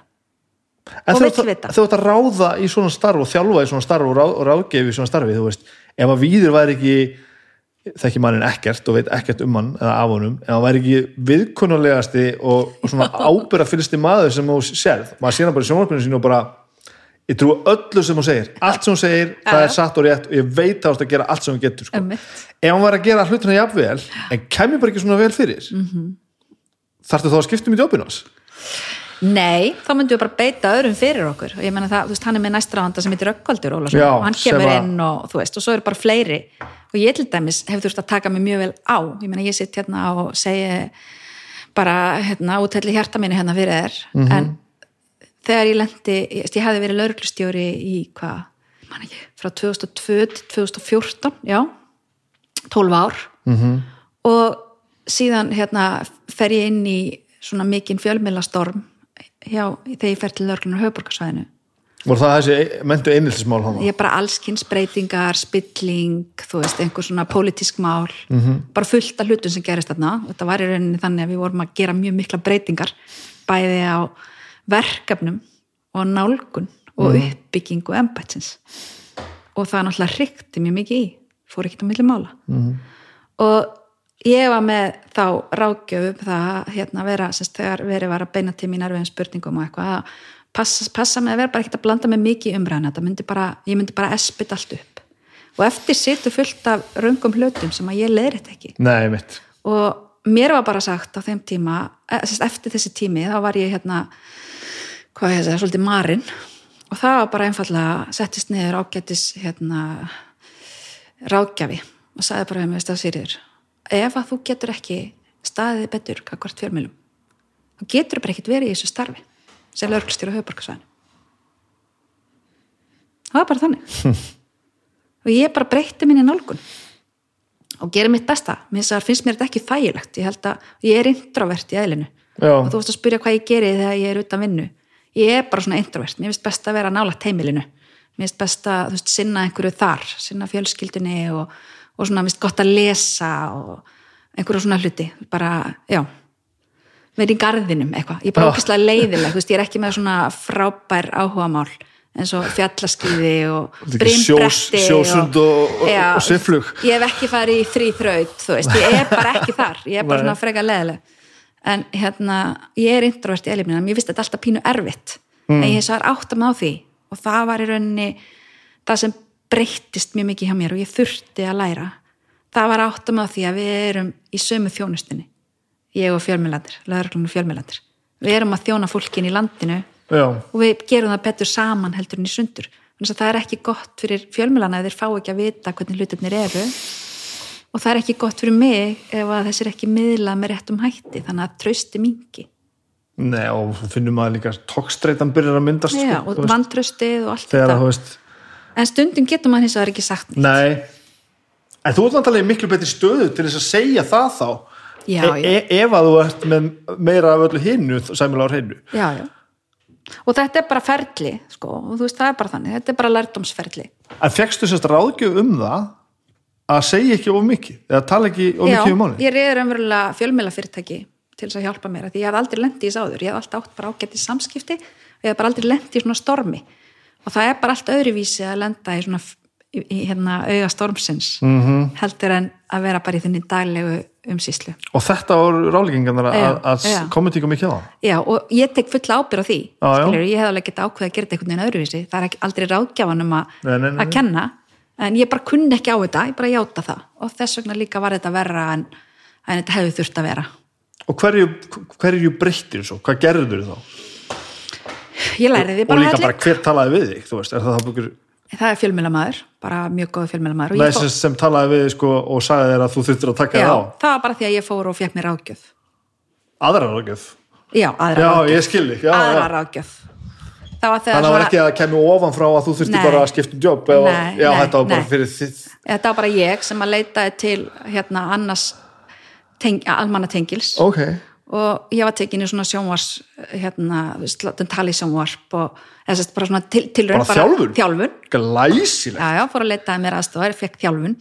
Og svo hérna var ég að spjalla við annan hensina manna eftir á. Og þá fyrir hann eitthvað að spyrja mig og ég, hvað ég segja ég segi ekki, ég hef notað fórnarlampaspili en ég var svona eitthvað að tuða yfir þetta væri alltaf mögulegt. Og þá bara í augun á mér og sagði, veistu það, Sigriður ef þú getur ekki átt góð samskipti við fjölmjöla og hérna við almenning þá bara átt ekki að vera í þessu starfi. Og ég, Búm. búm, já, það var þannig. Og ég bara breytti mér. Já, þannig að það er alveg erfitt. Er mest, ég kvíði mest fyrir þess af öllu í starfinu. Það er að fara í þessi viðtöl. En svo þetta, maður þetta hengað. já, já bara kvíði fyrir, bara alltaf. Mest í starfinu. já, Það eru stór orð með það sem ég hugsa á að þurfur að gera á daginn. já, en það er þannig. Þetta, er mér ekki eðlislægt Nei, nei, nei. Þú veist, mér finnst þetta ekki gaman. Mér finnst ekki gaman að vera miðbútur og heldur ekki það jákvæða aðtikli mér finnst bara svona aðtikli ekki góð. Heldur, ég- þú veist að ég veit alltaf að þegar það er eitthvað óbúslega lofsamlega og jákvæð ummæli að þá er líka eitthvað sem kemur sem er neikvætt og ómögulegt Þú veist, þetta bara jafnast út. Mhm. -hmm. verður svona einhver miðja en ég vil vera í þessu starfi vegna þess að ég vil breyta því sem ég veit að þarf að breyta. Og svo bara einhvern tímann líkur því og þá kemur einhver annar við, tekur, sem tekur við og breytir því sem að viðkomandi telur að þurfa að breyta. Já, já. þannig virkar þetta. En þú ert svolítið á sömu slóðum núna þú ert að segja þú veist, að þú þurfur að koma og segja þú veist, við fjölmiðla bara satt og rétt og, og við okkur öll einhvern veginn. Og þú varst að segja sko með öll, öll málin sko, ef þú segir bara ef þú skilur við öll mál þannig að þú veist þú gerir allt sem að þú ákast að vera rétt þá hlýtur að vera auðvitað að tala við allt og alla um þig eða hvað? Hann gerir ekki allt sem að saman þá? Jú, en stundum er fólk bara mjög ósátt. Og hefur alveg já. ástæð til að vera ósátt. Og stundum veit ég eitthvað um málið sem að ég hef Já, segja þeim, en ég get bara Já, ekki já. gert. Nei, nei, nei, þannig að eina sem ég get sagt, ekki að ég bara má ekki tjá með um þetta, mér þykir það mjög leðilegt og ég skila að því finnist þetta erfitt, en svona er þetta bara. Það er Ja. alveg erfið samtöl sko, og þess vegna hef ég verið svolítið að horfa það að reyna að fá meira utanakomandi eftirlit. Ég veit að fólk hérna kippist kannski aðeins við yfir þessu því að eftirliti er út um allt hjá okkur. En til dæmis þegar það er eitthvað svona stór mál eins og til dæmis mynd ofbeldi lauruglumanns gegn borgara. Og það fer bara allt á annan endan út af því. -hmm. þá hefði ég viljað fá einhverja nefndin sem kemur og skoðar bara myndirnar. Skoðar og fer inn í máli og skoðar það. Og sér, getur þá komið og sagt þér þetta er bara í ferli. Já, af því að síðan fer þetta fyrir nefndum eftirlit með lauruglu kemur hérna niðurstu eftir sex mánu sem hún heyrir ekkit af. -hmm. og eftir stendur að fólk hérna úti heldur að lauruglan hafi beitt einhverju hræðilegu ofbeldi. Ég, sem var ekki. Eru þetta ekki verstu ímyndamál sem Jú, nokkuð tíma lendið í, það hlýtur jú, að vera sko. jú,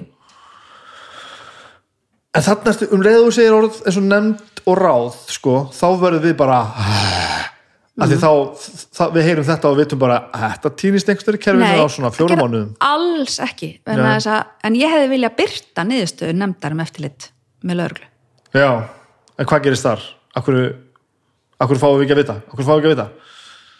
ég hana það ég hefði allavega vilja sjá bara þessar hérna, niðurstöður bara lauruglumæður X var sakaður um þetta og þetta var Mhm. niðurstan og er engin ástæða fyrir að við ég nú bara veit ekki hvernig það var nákvæmlega sett upp en ég veit allavega að við fáum aðtvasendir þegar við förum, hérna, gerum eitthvað á okkur. Það er alveg ljóst. Já, og við fáum þar. Mhm. og, og bregðumst þá við því. En það er ekki endilega að tala um það þegar það kemur út að ekkert hafi, hafi ekki verið raunverulegt brot.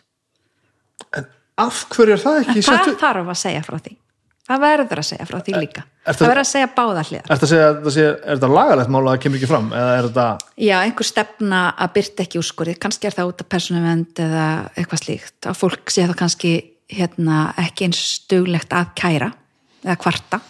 Það er líka sjónamið já, kannski hérna viltu hafa trúnaðin en ég Vá. þess vegna segja það. Við skulum ekki vera að hrópla við þessu, þetta er alveg að virka ég veit það, en fáum þá í stóru málunum, já, sem eru stóru málin sem að snerta hvert hjarta já.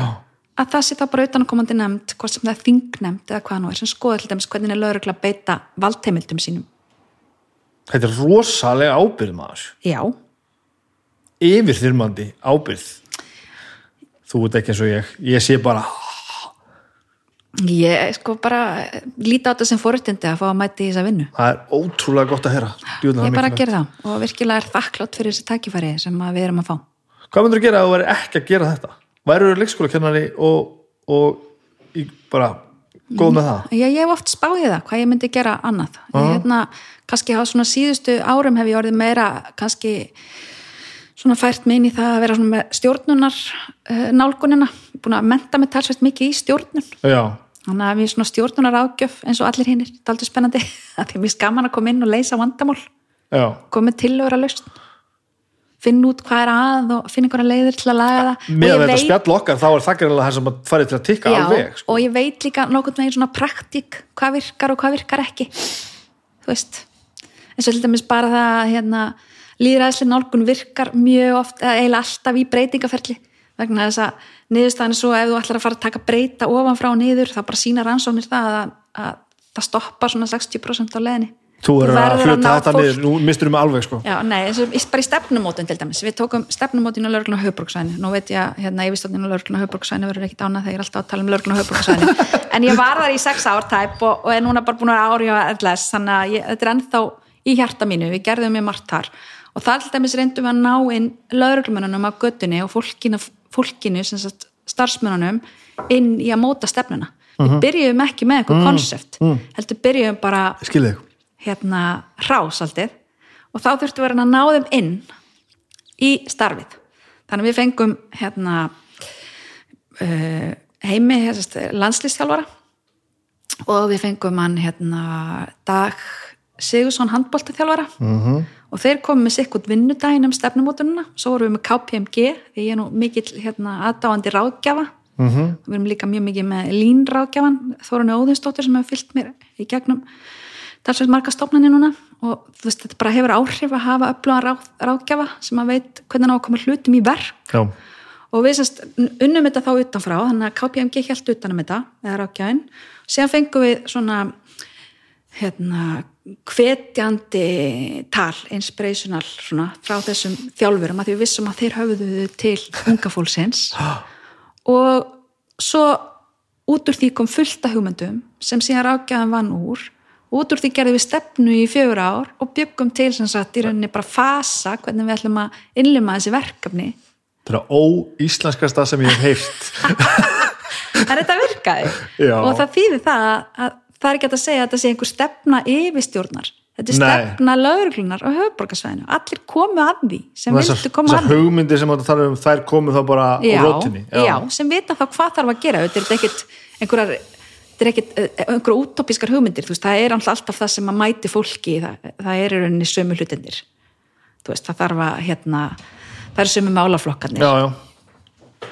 þannig að þetta var mjög vel hefnað og þetta er eitthvað sem þú ert að fara að halda áfram að gera eins og Já, nú ætlum við að halda áfram með þetta hjá, hjá Ríkislörgstjóra þegar við getum farið að funda almennilega sem er alveg að fara að gerast. Ertu, er, ertu, ertu byrjuð í vinnunni það lítur að vera ansið margt sem að bara hefur verið sett halvbáttina hold með með að búa alltaf fleiferð Já, já, það er bara, ok. en við höfum sérst, og tæknin hefur líka unni með okkur. Ég, meni, ég held starfsmanna fundi mánalega bara á Teams, mjög áhugavert að ég tala við alla starfsmenn. Hvaða starfsmenn þá? alla? hjá Ríkislörgstjóra, Vá, 150 ok. Mjög skemmtilegt og eitthvað sem ég hefði ekki gert áður og hefði átt að gera áður. Og hvað er að koma fram á þeim fundum? Það getur bara, það er ýmsar spurningar sem er að koma. Fyrst var þetta þannig að maður sá aldrei neitt sko, það er engin, með, hérna er ekki myndir og eitthvað svona. En svo hérna er alltaf að koma fleiri og fleiri og svo er ég að fá aðtóðsemdir inn á milli funda og eitthvað sem kvílir á fólki og bara og það er bara mjög áhugavert. og, og það er bara svona daglegur ekstra og vinnulega og eitthvað svoleiðis Ég þá erum við að tala um bara hvað er að gerast. Já. þú veist, hvert við erum að stefna hvað er að gerast í húsnæðismálum hver eru helstu hérna málin sem er á borðinu hjá okkur, sendum við vikul reyna svona að senda kannski einu sinni viku eða tvekja okkur fresti pistil bara um allt sem er í gangi líka. Þetta er svolítið þetta. Ég er veist- svolítið að við erum lið Já. og þá reynir ég að fá líka frá fólkinu hvað er í gangi, hvað er heitast er til dæmis í síðustu viku voru mjög mikið í gangi út af þessum utaríkisráþarafundi uh Mhm. -huh. fjöllum þá mjög margir komu inn í það lauruglustjórnarnir kom í hús ég let á vita alla að þeir væri að koma í hús og, og, hérna, og hvað þeir væri að fara að gera um, þar á undan voru hvað 98 nemar í húsi já, já. hérna laurugluskóla nemar sem var bara mjög áhuga, eða sérst lauruglu nemar ótrúlega áhugavert að hafa svona marga nema í húsinu og bara mikilvægt að hérna, að fólk viti að það er að fjölgi stjettinni og, og hérna og sérst bara viti hvað er í gangi. Og líka ef það kemur eitthvað erfitt upp á. Skipti líka máli að segja frá því. Eitt sem ég er mjög glad að ég glemdi ekki að tala um. Er rétt með til hjá mér að, að þetta starf snúið svolítið mikið um það að reyna að vera búin undir þessum margt og mögulega hægt er að sem, fæst sem kemur mann óvart hvað ætlar að gera þegar máli kemur upp hvert er fyrsta símtali sem þú ringir já, hvað er áallinu? er þetta ekki þetta svolítið mikið? eða? hvað er áallinu? ég er að fá svo mikið áhuga þess að ég verið komin í lögurskóla bara eftir, eftir halvt ár bara að verður velkomin og maður líka sér það bara með sjálfa sig allt sem maður gerir í lífinu, bara eiga, eiga fucking börn, sko, þetta snýst svolítið mikið um það bara, hérna, að bara að láta sér fæst komið svo óvart -hmm.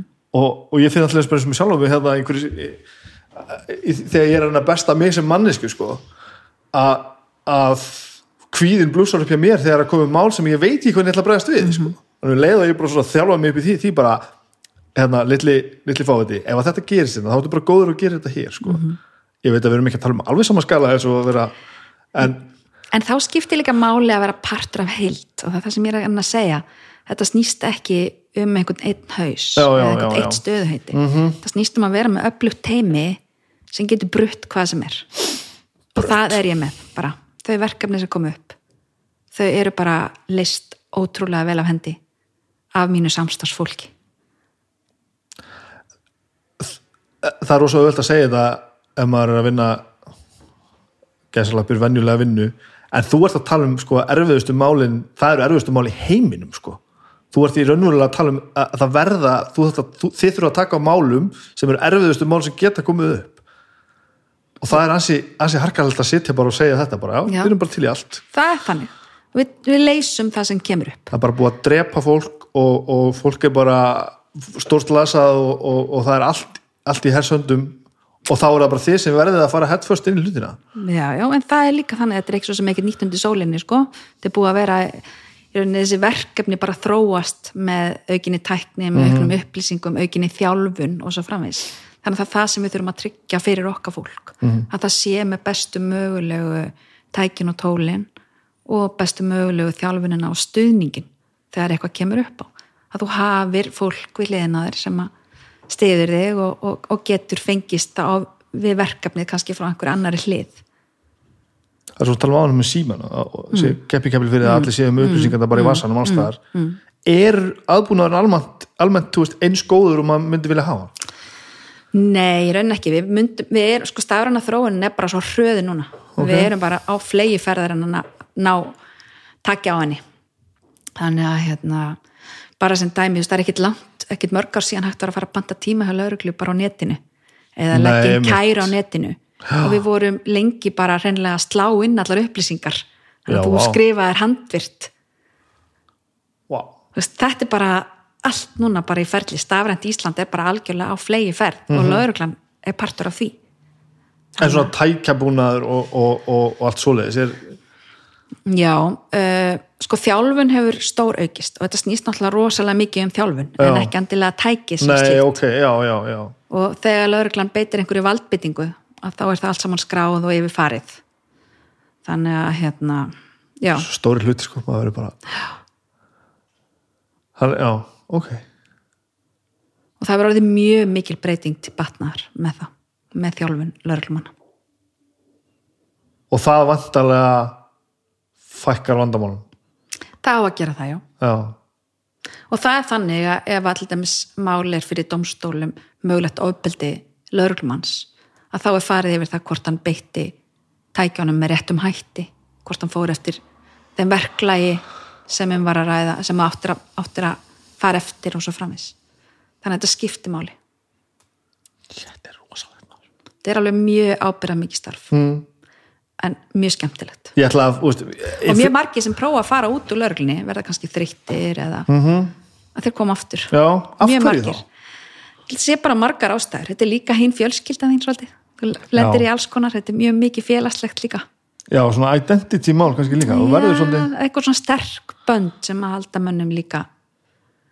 Já, hjálpaði þeim að komast í gegnum þetta. Þetta er rosalegt mál, þetta er svona eitt af þessu hérna, eitt af þessu, uh, þetta fer í bunkanum undir hérna samtölu sem að, sem að fara alltaf inn á sama staðin aftur, að því að þú veist þetta er, þetta er svo, er svo margt um að tala sko, að hérna ég, ma- maður því að tala hérna við, við Uglu Stefaníu og ég var búin að einsýta með það að tala ekki droslega mikið um, um, um transmál. Og þetta, fjallaði bara um trans sko, veist, sem var algjörlega frábært líka að hún svaraði náttúrulega svo stórkostlega öllu sem ég spurði hana sko.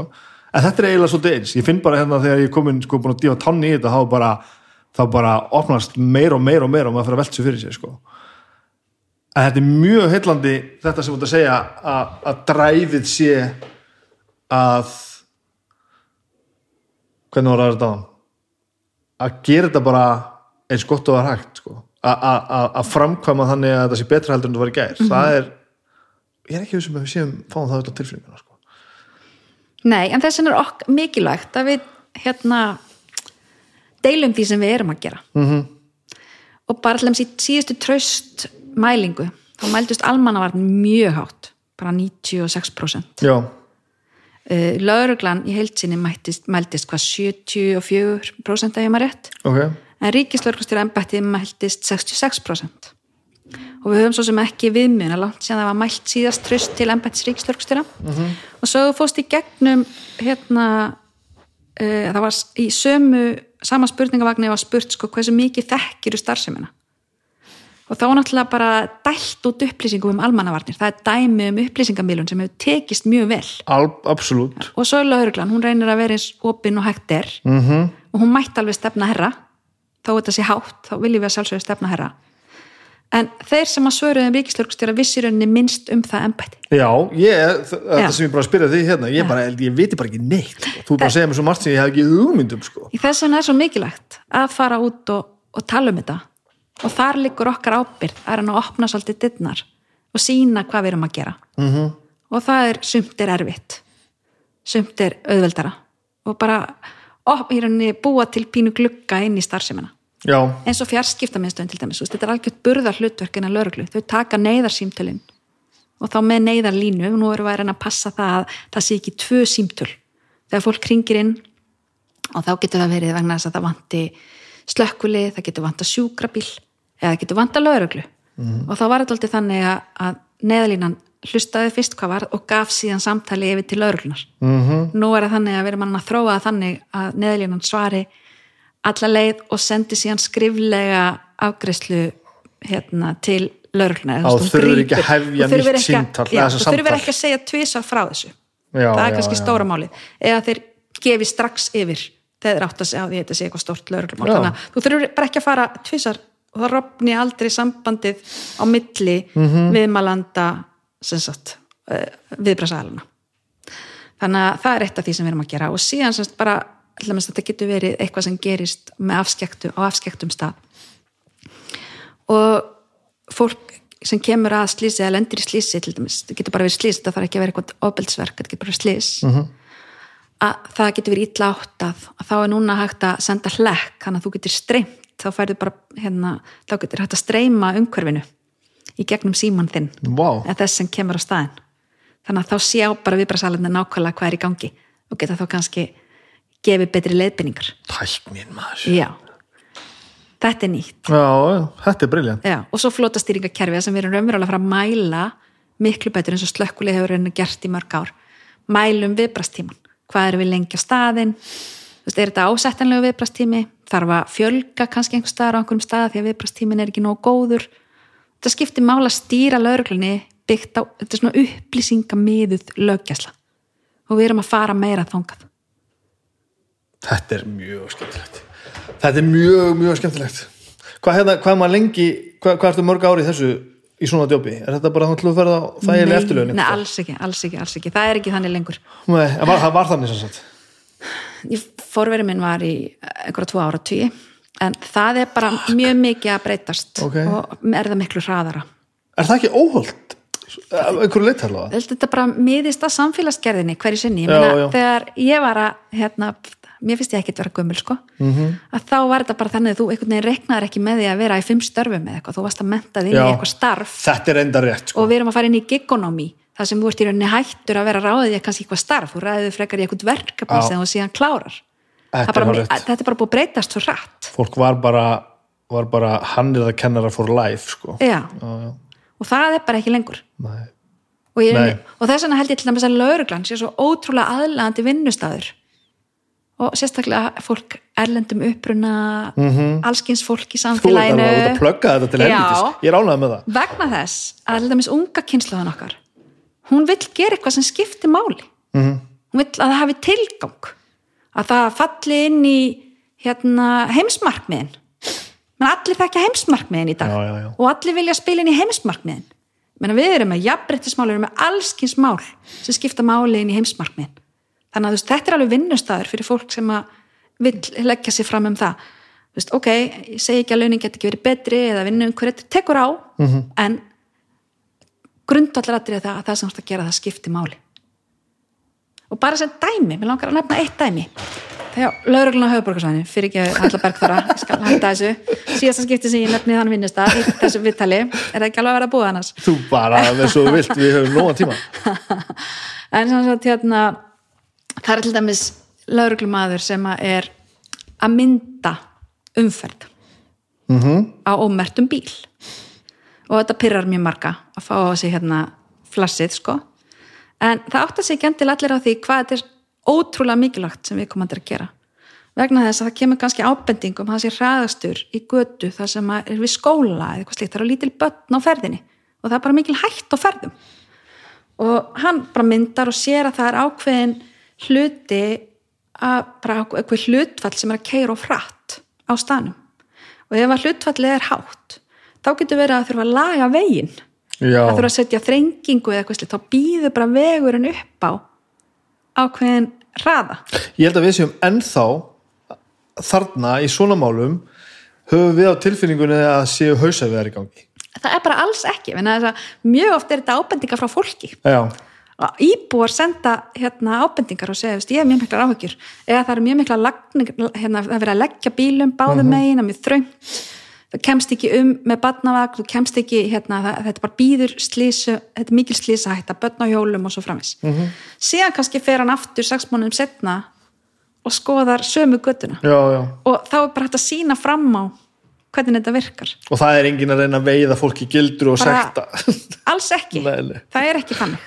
Menna, ef það væri þannig þá væri við náttúrulega bara með myndavélar á hverju hotni því að það eru myndavélarnar sem er að gefa sektirnar í, í ríkisjóð lauruglumenn eru miklu frekar en að finna þá sem er að keira undir áhrifum efnað að keira réttindalausir eftir mjög ítrekkaðan glæfrakstur.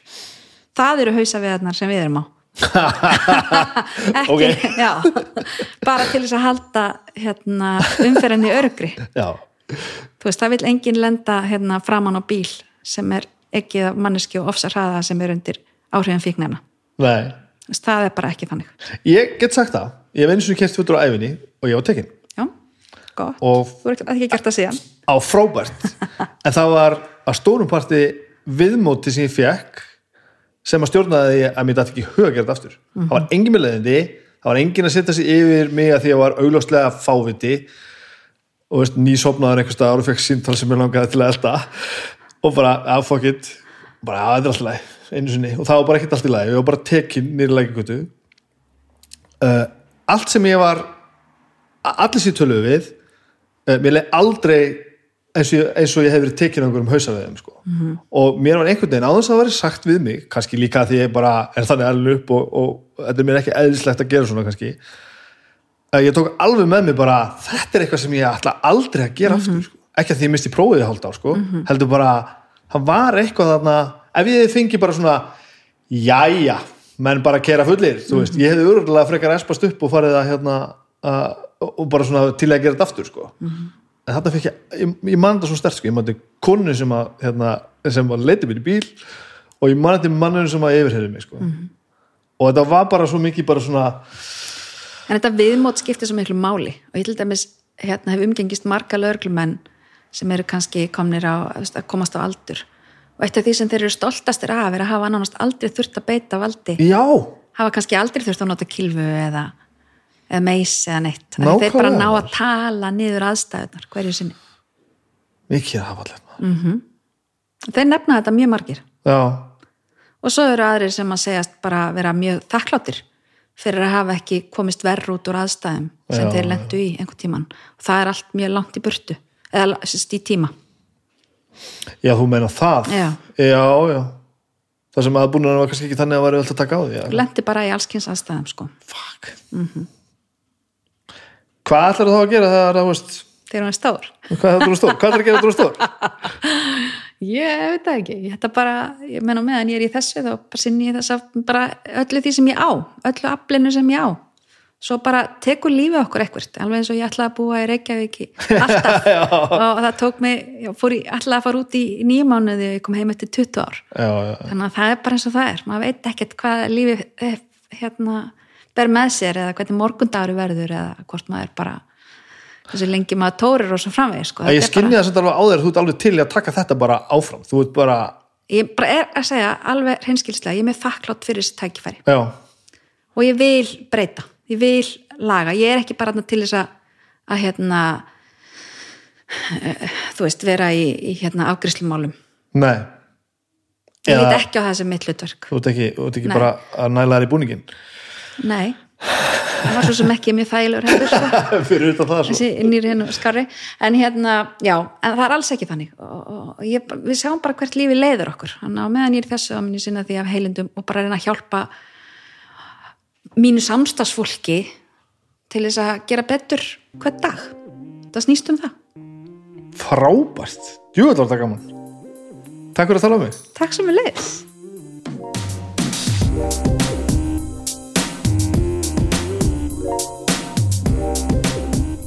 Þar hafið það, ég og Ríkis lauruglustjóri, tala við Ríkis lauruglustjóra, það er eitthvað, svo- það er eitthvað mjög grónu upp við það sko. En þetta var reykjala gaman og, og bara, þetta, já, þetta er bara fólk að reyna að gera eh, lífið og samfélagið eins gott og hægt er. Ógeðslega gott.